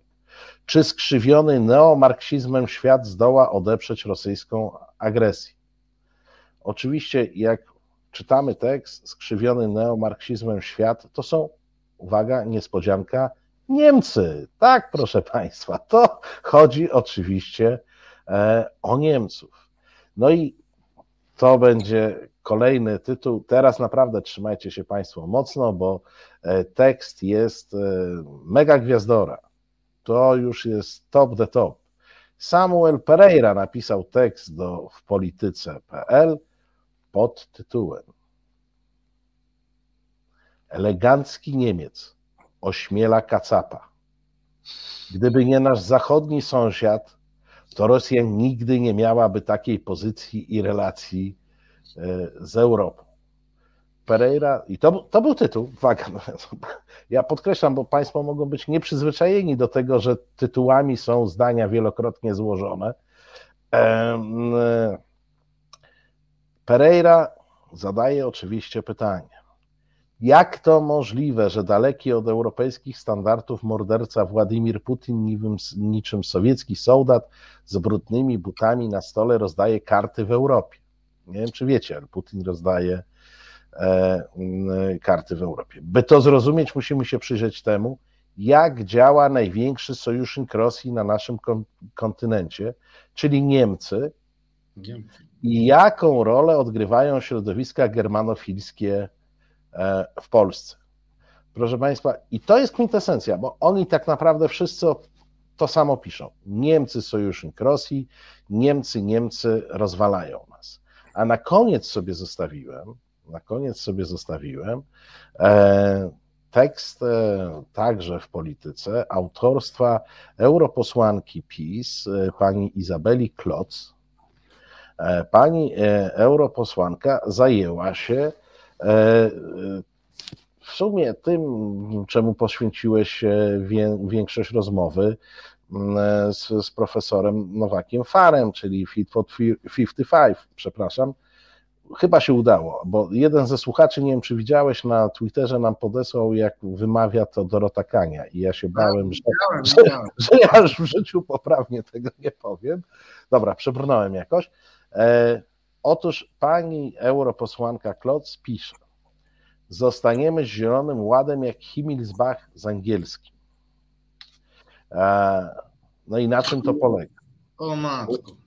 Unijna polityka klimatyczna rozregulowała europejską gospodarkę, wywołała inflację i wystawiła nas na energetyczny szantaż Putina. Zielony Ład już spowodował wiele złego, ale najgorsze może być dopiero przed nami.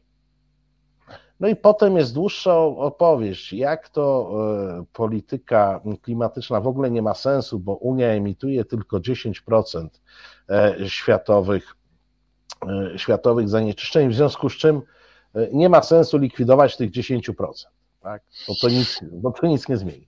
Znaczy takie, moim zdaniem, jak czegoś jest 10% mniej, to coś, coś zmienia, no, ale pani europosłanka tego, tego nie widzi.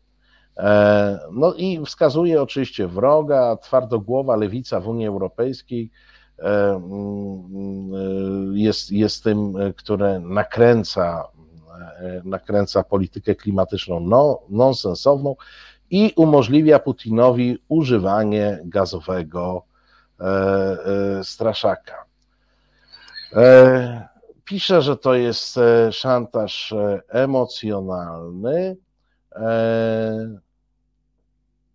I pisze też, niestety Unia Europejska poprzez swoją nierozważną i agresywną politykę klimatyczną odbiera ludziom odwagę, kreatywność i instynkt przetrwania, a bez tych cech nie poradzimy sobie w trudnych czasach, które nadejdą. Tak napisała pani europosłanka PiS, pani Izabela e, Kloc.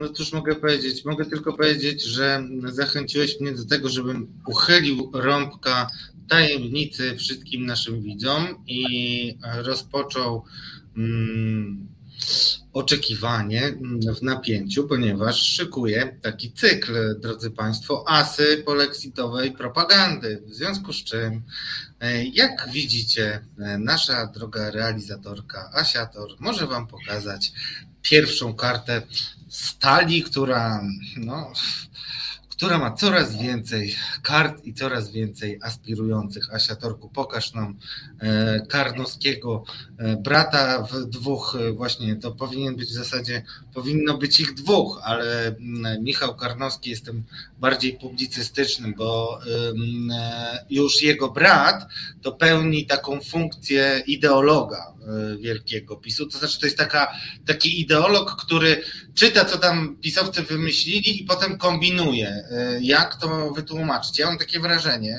panie Jacku, e, i no cóż, no, przypomina mi się z kolei taki dowcip o pijanym człowieku, który wraca do żony cały podrapany ze szminką i w ogóle i, i żona go pyta, o co ci się stało i sama sobie odpowiada i mówi, o pewnie wpadłeś w krzaki, o jejku, a tutaj a, i ma problem z tą szminką, więc się pyta, a, a a co to jest? A on mówi, kombinuj, kombinuj. Więc, to tak e, mniej więcej kombinuje e, nasz pierwszy as polexitowy, ale żeby e, zostawić Państwa w niepewności, to zwracam uwagę, że jest to as karo, więc nie jest to jednak najmocniejszy as, bo as kier jest najmocniejszym asem, więc pamiętajcie. No to jest odpowiedź na pytanie pana Waldka, dlaczego as karo, bo to jest taki słabszy as. Tak, są, są, są mocniejsi. Także drodzy Państwo, e, wkrótce na antenie resetu e, pokażemy Wam, jakimi kartami fałszywymi gra. Są to karty znaczone też, żeby była jasna. Znaczone. Tak, tak, tak, tak.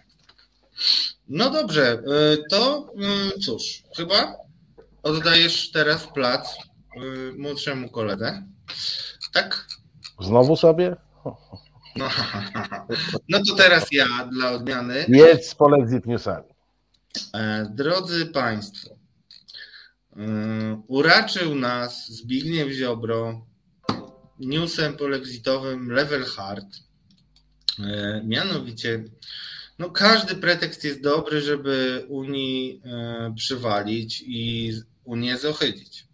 No i taki pretekst znalazł minister sprawiedliwości i prokurator generalny zarazem e, w obrzydliwej e, sprawie dotyczącej obrzydliwej zbrodni. E, chodziło o to, że prokuratura wystąpiła z wnioskiem do Sądu Najwyższego. Już Państwu nie chcę nic przekręcić, ale chodziło o sprawę dotyczącą wyjątkowo obrzydliwej zbrodni pedofilskiej. No i oczywiście mm, nikt chyba w Polsce nie jest no, skłonny jakiejkolwiek taryfy ulgowej wobec pedofilów stosować. Natomiast no, Sąd Najwyższy uchylił e, w ubiegły piątek wyrok e, Sądu Apelacyjnego, e, który na 20, który obniżył karę o 10 lat, z 25 lat do 15 lat więzienia. Wyrok dla Steve'a V tak nazwisko jest jego z kropką, za zgwałcenie i śmiertelne pobicie trzyletniego chłopca. E, Sąd Najwyższy stwierdził, że to, co zostało dokonane ciele dziecka, na ciele dziecka przekracza granice, granice człowieczeństwa e, i uznał, że sąd, e, łódzki sąd apelacyjny powinien rozpoznać sprawę jeszcze raz. I cóż, no, Zbigniew Ziobro z właściwą sobie gracją napisał na Twitterze: Nie zgodziłem się na skandalicznie niesprawiedliwy wyrok 15 lat dla sprawcy brutalnego gwałtu i zabójstwa trzyletniego Nikodema. Sąd Najwyższy uwzględnił moją kasację i wszystko by było ok. No może y, nikt się z nas nie zgadza, tak? I myślę, że każdy no, na samą myśl o takiej zbrodni chciałby od razu co najmniej dożywocia. Natomiast oczywiście Zbigniew Ziobro odnosi się do takiego pragnienia, y, które mnie osobiście osobiście bardzo boli, przyznaję, czyli do tego, że większość Polaków, znakomita większość jest za karą śmierci. E, no i w związku z tym, mm, jak zagrał Zbigniew Ziobro, jaką kartą? No, powiedział tak, sprawa wróci do drugiej instancji, kropka i najważniejsze, niestety Unia Europejska nie dopuszcza jedynej sprawiedliwej kary za tak odrażającą zbrodnię. E, dlaczego e, jest to news polexitowy? No już abstrahując od tego, że, że e, no, ja mam poczucie pewnego dyskomfortu mieszania takich spraw, ale okej, okay, no, merytorycznie to, to się nie da w żaden sposób obronić I, i to też pokazuje taką wielką chęć do zaistnienia um, antyunijnego.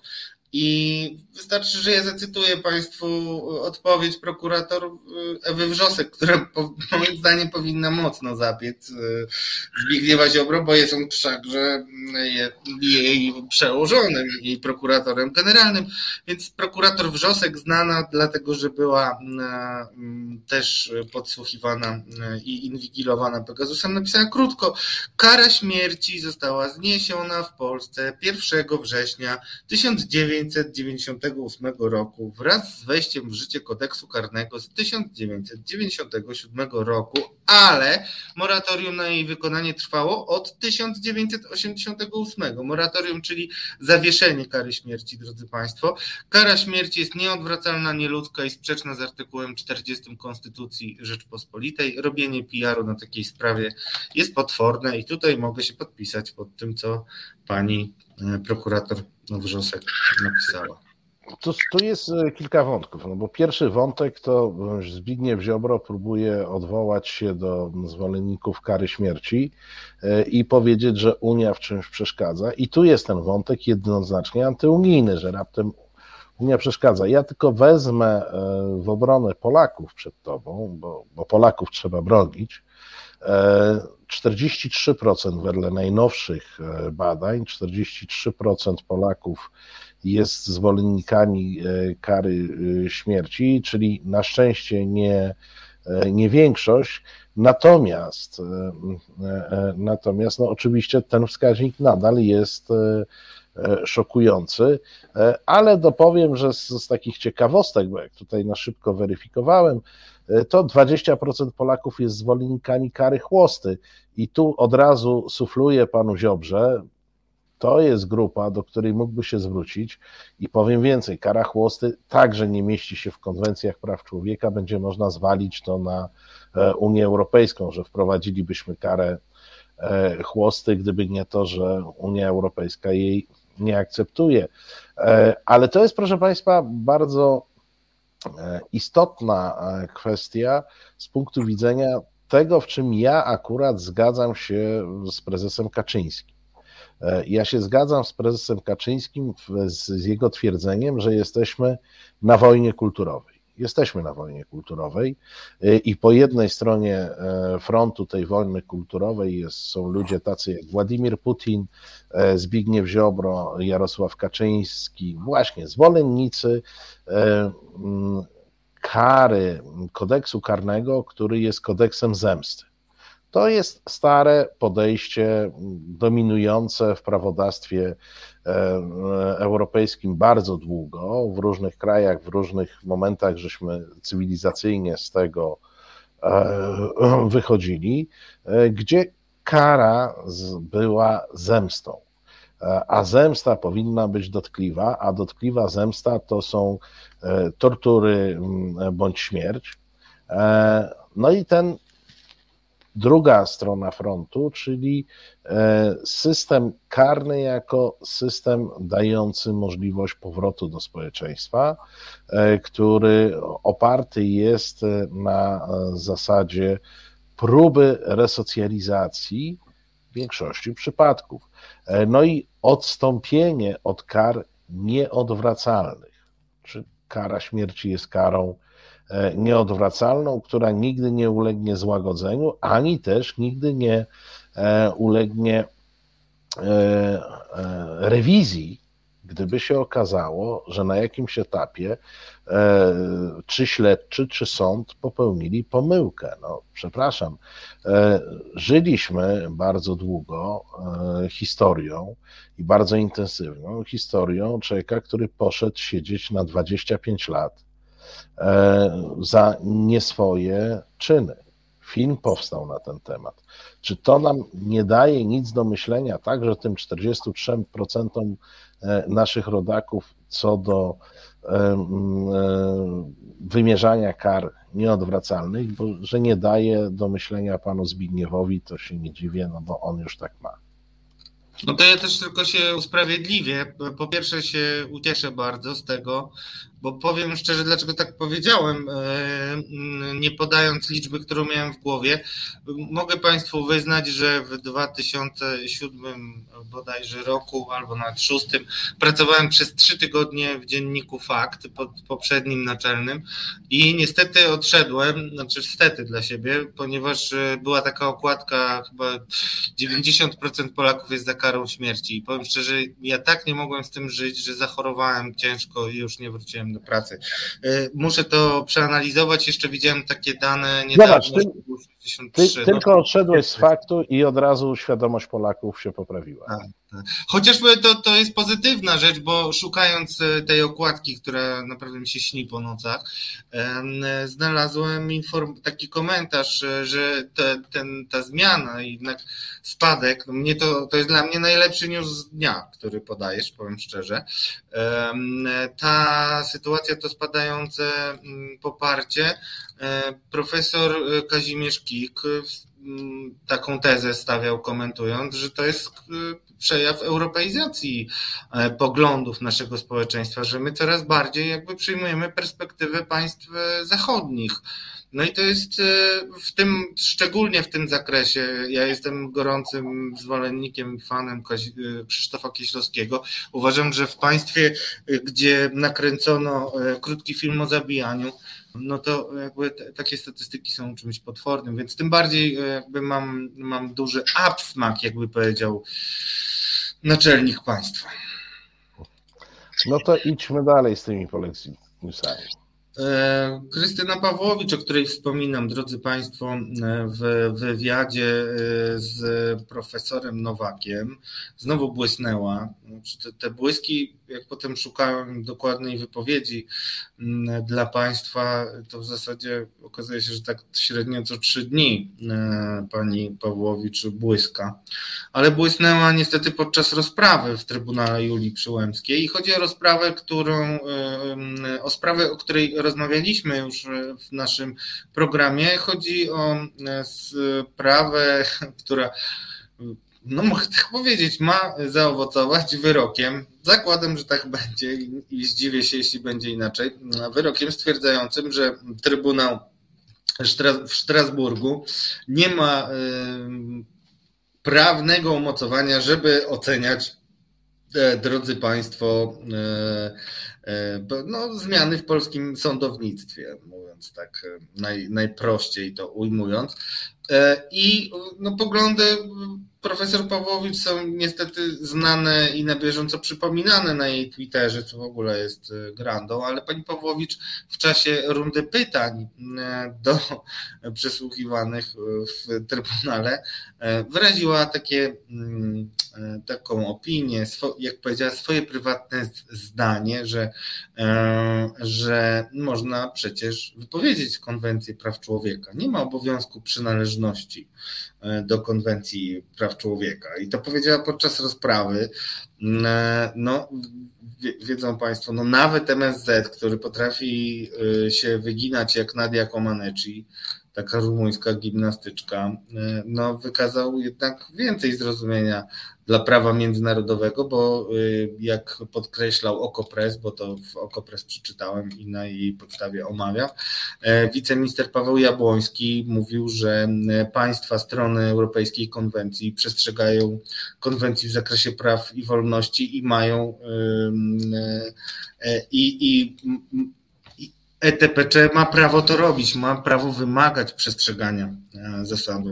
Ale wiesz, to trzeba przyznać pani Krystynie Błyskowej, jak tutaj na, na e, czacie nam e, pan Zdzisław skomentował, trzeba jej przyznać rację. Otóż Polska może wypowiedzieć konwencję i wtedy faktycznie Trybunał nie będzie, nie będzie mógł znaczy będzie mógł, ale nie będzie skuteczny e, w ocenie e, stosowania bądź niestosowania konwencji praw człowieka.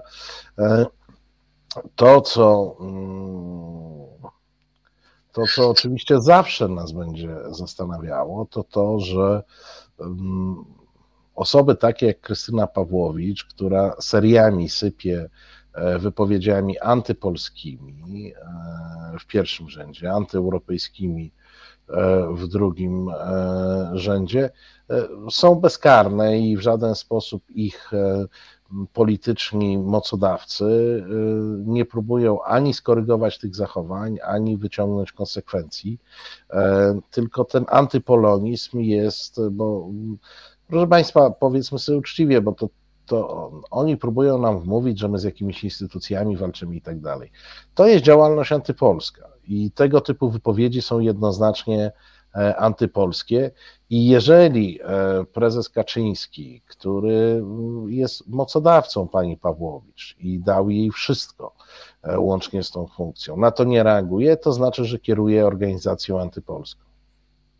No, cieszę się, że ty to doprecyzowałeś, bo chciałem, żeby to jasno wybrzmiało, jeśli mówisz o jej wypowiedzi. No, no to jest w ogóle osobna historia, ale drodzy Państwo, lećmy dalej. Sporo jeszcze ciekawych innych rzeczy się wydarzyło i też dość świeża historia, którą cały czas monitorujemy. Chodzi o Sąd Najwyższy.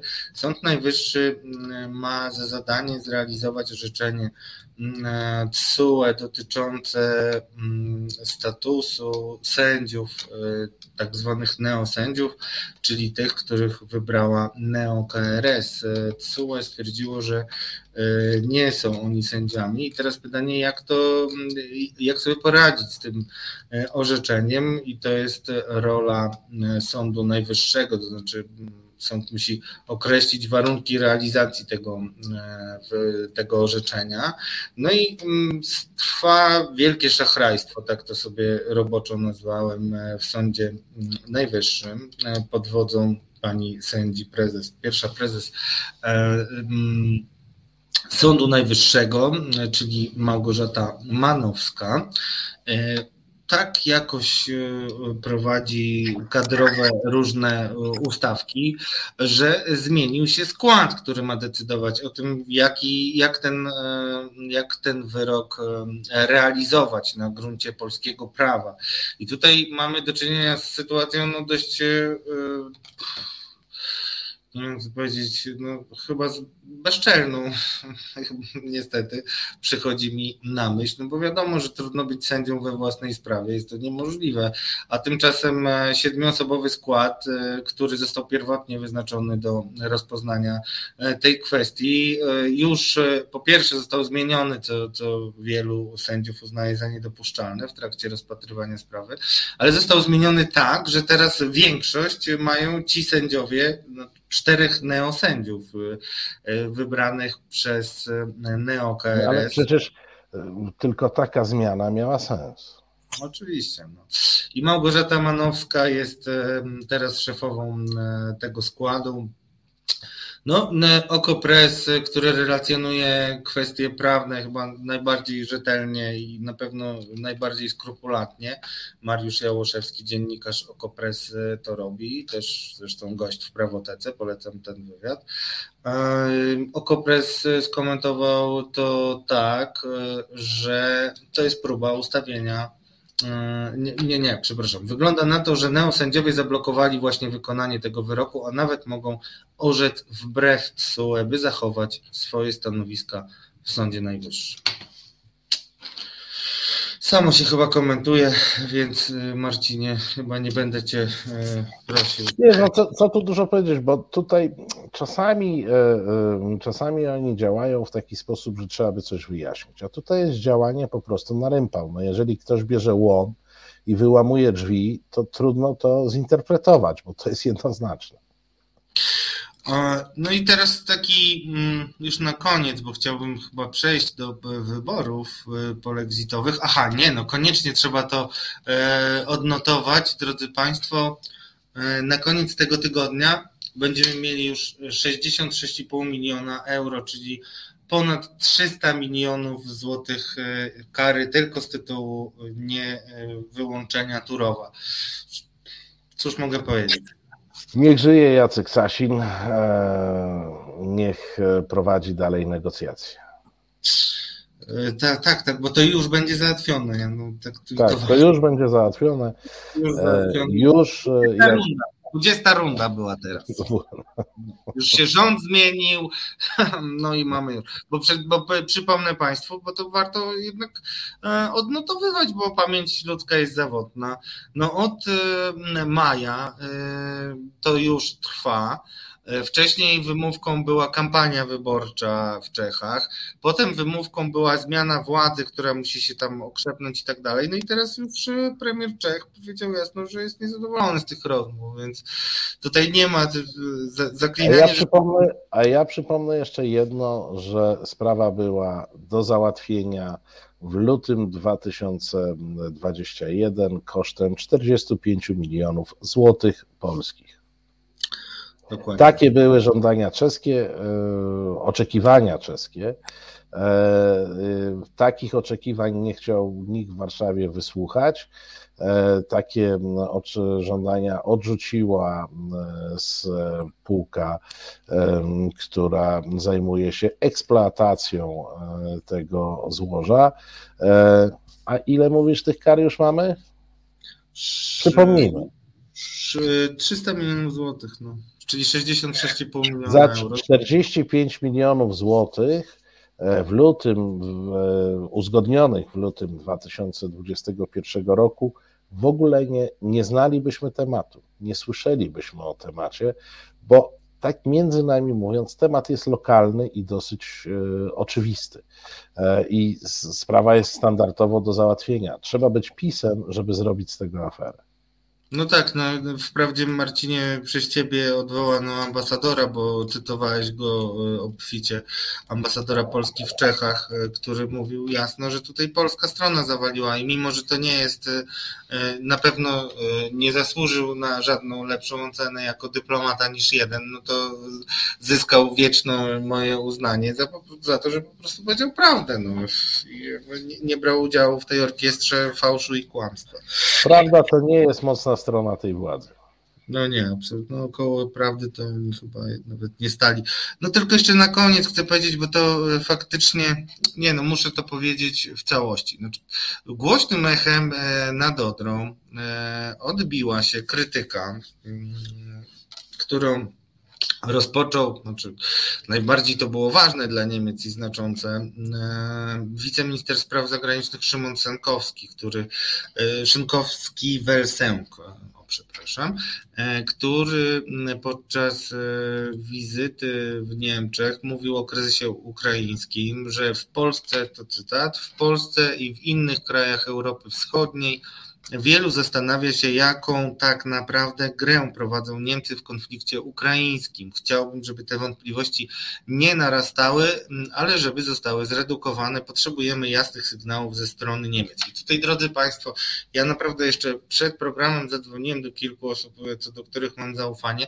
I to nie jest tak, że tutaj e, e, Niemcy są jednoznaczni i widać wyraźnie, że gdzieś tam te prorosyjskie głosy są z różnych powodów powodów. E, ale e, to, dlaczego o tym e, mówię jako o polexitowym newsie, to, to smuci mnie strasznie ta sytuacja, że gdyby Polska nie była takim pariasem Europy, to prawdopodobnie taki sam artykuł byłby napisany nie jako relacja, tylko jako istotny głos w dyskusji na temat tego, jak Niemcy um, powinny się zachować. No może istotny to, to jest kwestia ocenna, ale to jest głos sojusznika, który warto odnotować i też tak jak w rozmowie wczorajszej z doktorem Milczanowskim i Markiem Meissnerem rozmawialiśmy, to zwraca uwagę to, że Polska miała statut taki e, podczas e, rządów e, poprzedniej ekipy, że to minister spraw zagranicznych Radek Sikorski jechał do Ukrainy i był istotną, kluczową osobą dla tego rozstrzygnięcia, żeby zakończyć rozlew krwi na Majdanie i tutaj to trzeba mu oddać. Tak samo Polska razem z, ze Szwecją w partnerstwie wschodnim. No my zawsze byliśmy tym krajem, który no, przypominał o tym, czym tak naprawdę jest Rosja. A dzisiaj stało się zupełnie inaczej i to między innymi dlatego, że polski e, rząd i polska partia rządząca, czyli PiS, no nie wiem, czy ta Polska to już będziemy pewnie weryfikować kiedyś. E, no, czy, znaczy sama nam strzeliła w stopę jako e, Polsce, ponieważ takie naprawdę irracjonalne czepianie się e, Niemiec za wszystko i nie wiem, jakieś cały czas opowieści o okupacji, o tym, że my będziemy występować o reparacje, już, już piąty rok chyba występujemy, to znowu jest to już. No teraz a, instytut powołamy. Więc tak, no tak, teraz jest tak, no instytut jest najważniejszy. Także ten, i to mnie tak bardzo boli, dlatego z jednej strony no, je, jest to dla mnie, mm, znaczy jestem krytyczny w stosunku do Niemiec i powinniśmy być krytyczni, tylko że my e, dzisiaj e, nasz głos nie tylko jest niesłyszalny, ale wręcz przeciwnie, może być podawany jako ten, że my mamy obsesję. Ale wiesz, bo, bo, to, wiesz, bo to też trzeba sobie powiedzieć. No jeżeli my obsesyjnie, no, ja dzisiaj przeczytałem Państwu ile, sześć czy siedem tytułów z tygodnika, Y, który jest podstawową tubą władzy. No jeżeli piszemy takie bzdury, to nawet kiedy powiemy coś sensownego, to już nikt nie, będzie tego traktował poważnie. A jak już ruszyłeś, czas nas goni, ale myślę, że tych Niemców nie należy zostawiać e, bez komentarza. Oczywiście, że w Niemczech jest frakcja, wszyscy znamy historię Gerharda Schrödera, e, jest frakcja rusofilów. E, o, PiS nie zauważa, że e, po zmianie władzy i przy tej e, umowie koalicyjnej, e, którą, której PiS się tak bardzo boi, bo tam wyczytał, że jakaś czwarta Rzesza będzie, stanowisko Niemiec stało się zdecydowanie antyputinowskie. Natomiast tam się toczy pewna gra. Niemcy nie mają swojego Kaczyńskiego, który decydowałby o wszystkim. Tam się toczy gra przede wszystkim z dużym biznesem. Tak, tak. Który ma swoje lobby. Interesy prorosyjskie. No tak e, Niemcy są bardzo uzależnione od e, rosyjskich, e, od rosyjskich nośników energii, to raz.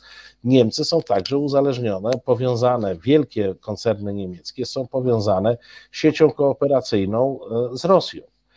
W związku z czym tam się toczy gra. Tak, tak jak w każdym normalnym kraju są różne opcje, które się ścierają. Natomiast e, e, wychodzenie, wjeżdżanie na białym koniu i tłumaczenie, że Niemcy są sojusznikiem Putina, nie otwiera dyskusji na ten temat i nie pomaga naszym sojusznikom wewnątrz Niemiec, którzy są zwolennikami ostrej i zdecydowanej polityki wobec Putina wręcz przeciwnie.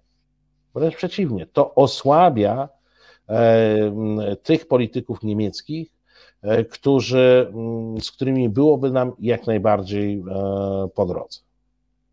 No to prawda. No ale Radko, musimy chyba przyspieszać. Musimy przyspieszać. No musimy, bo... musimy. Ja tylko powiem, że znaczy już naprawdę y, rządy okupacyjne jest taki wstępniak y, y, Tomasza Sakiewicza i generalnie tam to już Berlin jest w zasadzie okupantem i to jest analiza tego, kto z okupantem. Okupantem za pośrednictwem Unii Polski, więc no taka taka sytuacja, to kiedyś powiedzieli. E, także e, no, to cóż, to chyba e, jeszcze dwie minuty muzyki i. Nie, nie, nie, nie. Słuchaj, nie możemy sobie pozwolić na muzykę, bo jest. A nie, nie możemy marnować. 9, 9 minut, a przecież czeka nas wojna, a konkretnie to jest wojna, za 10 minut się zaczyna. Okej, okay, no to y, y, słucham Twojej kandydatury, bo znowu. No dobrze. No, znowu na, pewno Twój polexitowiec jest lepszy niż mój, ale e, ja nie, e, nie poprzestaję. Asiu, ja Cię poproszę, żebyś wyświetliła pewnego asa. To jest, proszę Państwa, mój kandydat, powiedziałbym taki za całokształt. Ja bardzo szybko um, przeczytam Państwu e, uzasadnienie złożone e, z tytułów e, kierowanego przez niego pisma i portalu. No tenże as, wiadomo, Jacek Karnowski, nasza krucha suwerenność, Europa trzeszczy, a zachodni zamordyści już nie kryją swoich intencji. E, pięć świadectw polityków potwierdzających tezę, że Donald Tusk od początku był uzależniony od niemieckich wpływów.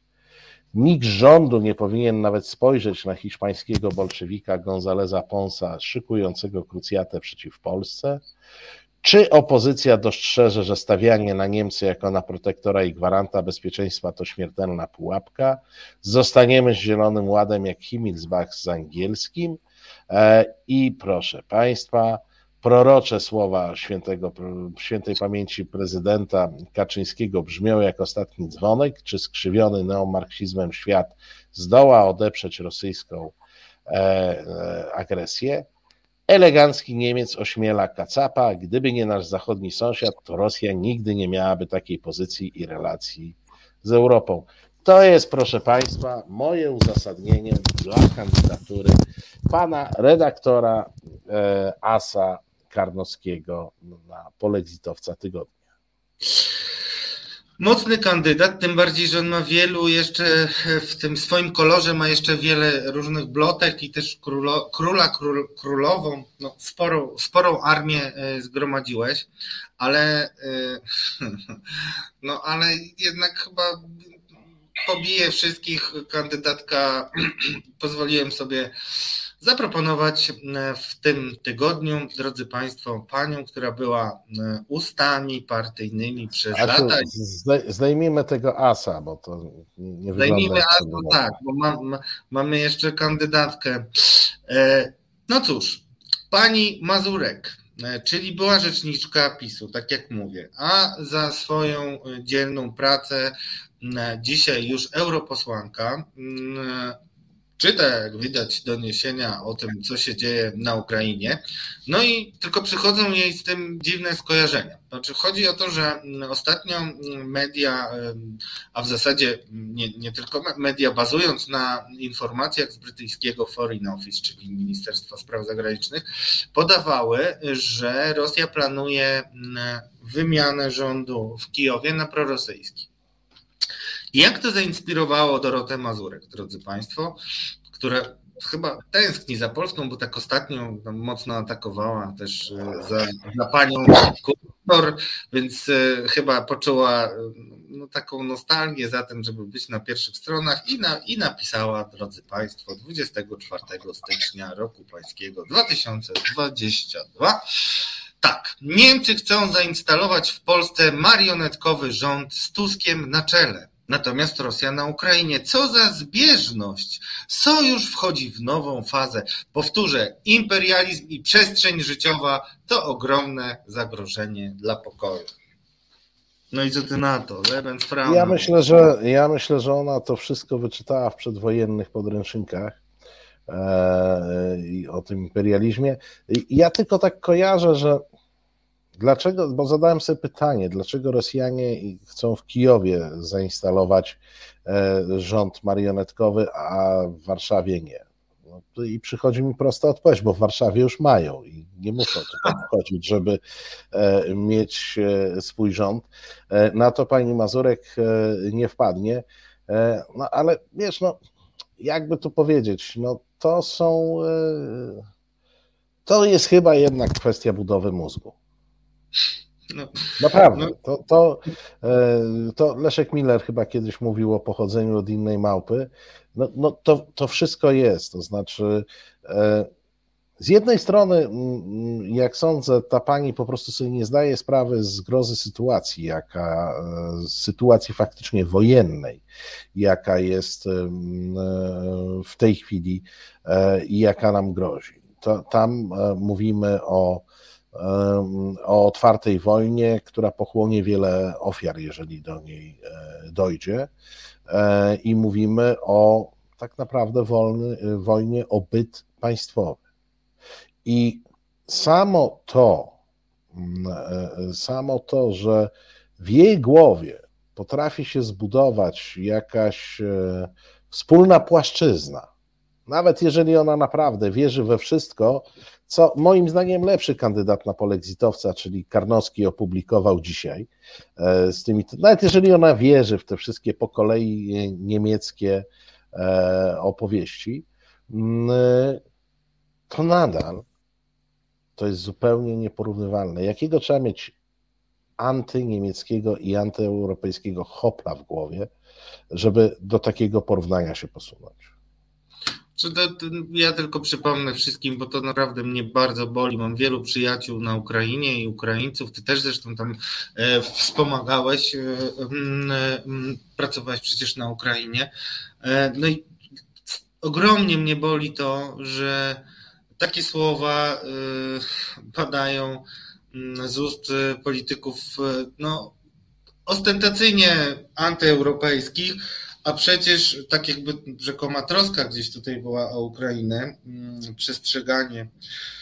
A mało kto pamięta, że na Majdanie, który był początkiem i przyczyną i pretekstem do tego, żeby Rosja weszła na Krym, no na Majdanie Ukraińcy umierali za marzenie o tym, by stać się nawet nie członkiem, ale w ogóle partnerem w umowie stowarzyszeniowej Ukrainy z Unią Europejską. Tak, to była bezpośrednia przyczyna e, tego konfliktu. To, że Janukowicz nie dotrzymał słowa e, i że e, zablokował faktycznie Stowarzyszenie Ukrainy z Unią Europejską.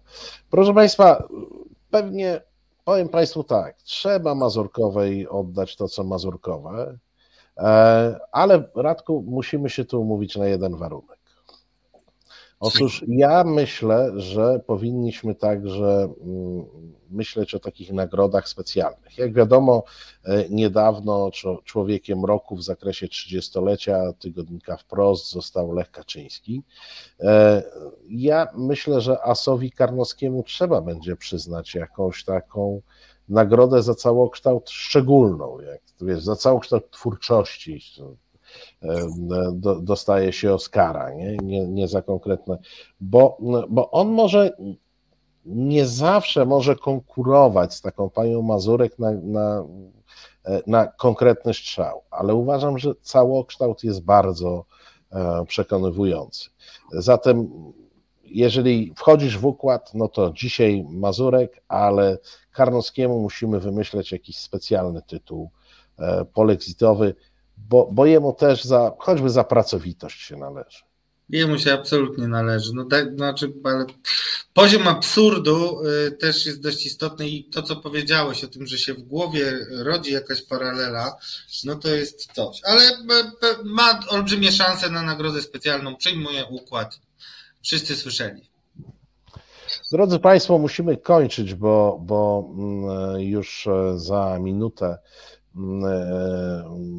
to jest wojna e, i Dominika Kasprowicz. My Państwu dziękujemy za e, dzisiejsze spotkanie.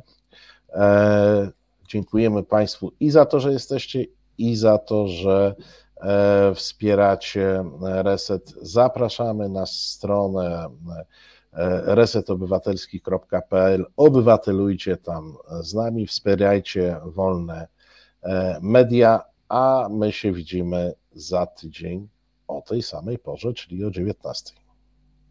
Dobrej nocy, drodzy Państwo. Kłaniamy się Państwu nisko. Reset Obywatelski.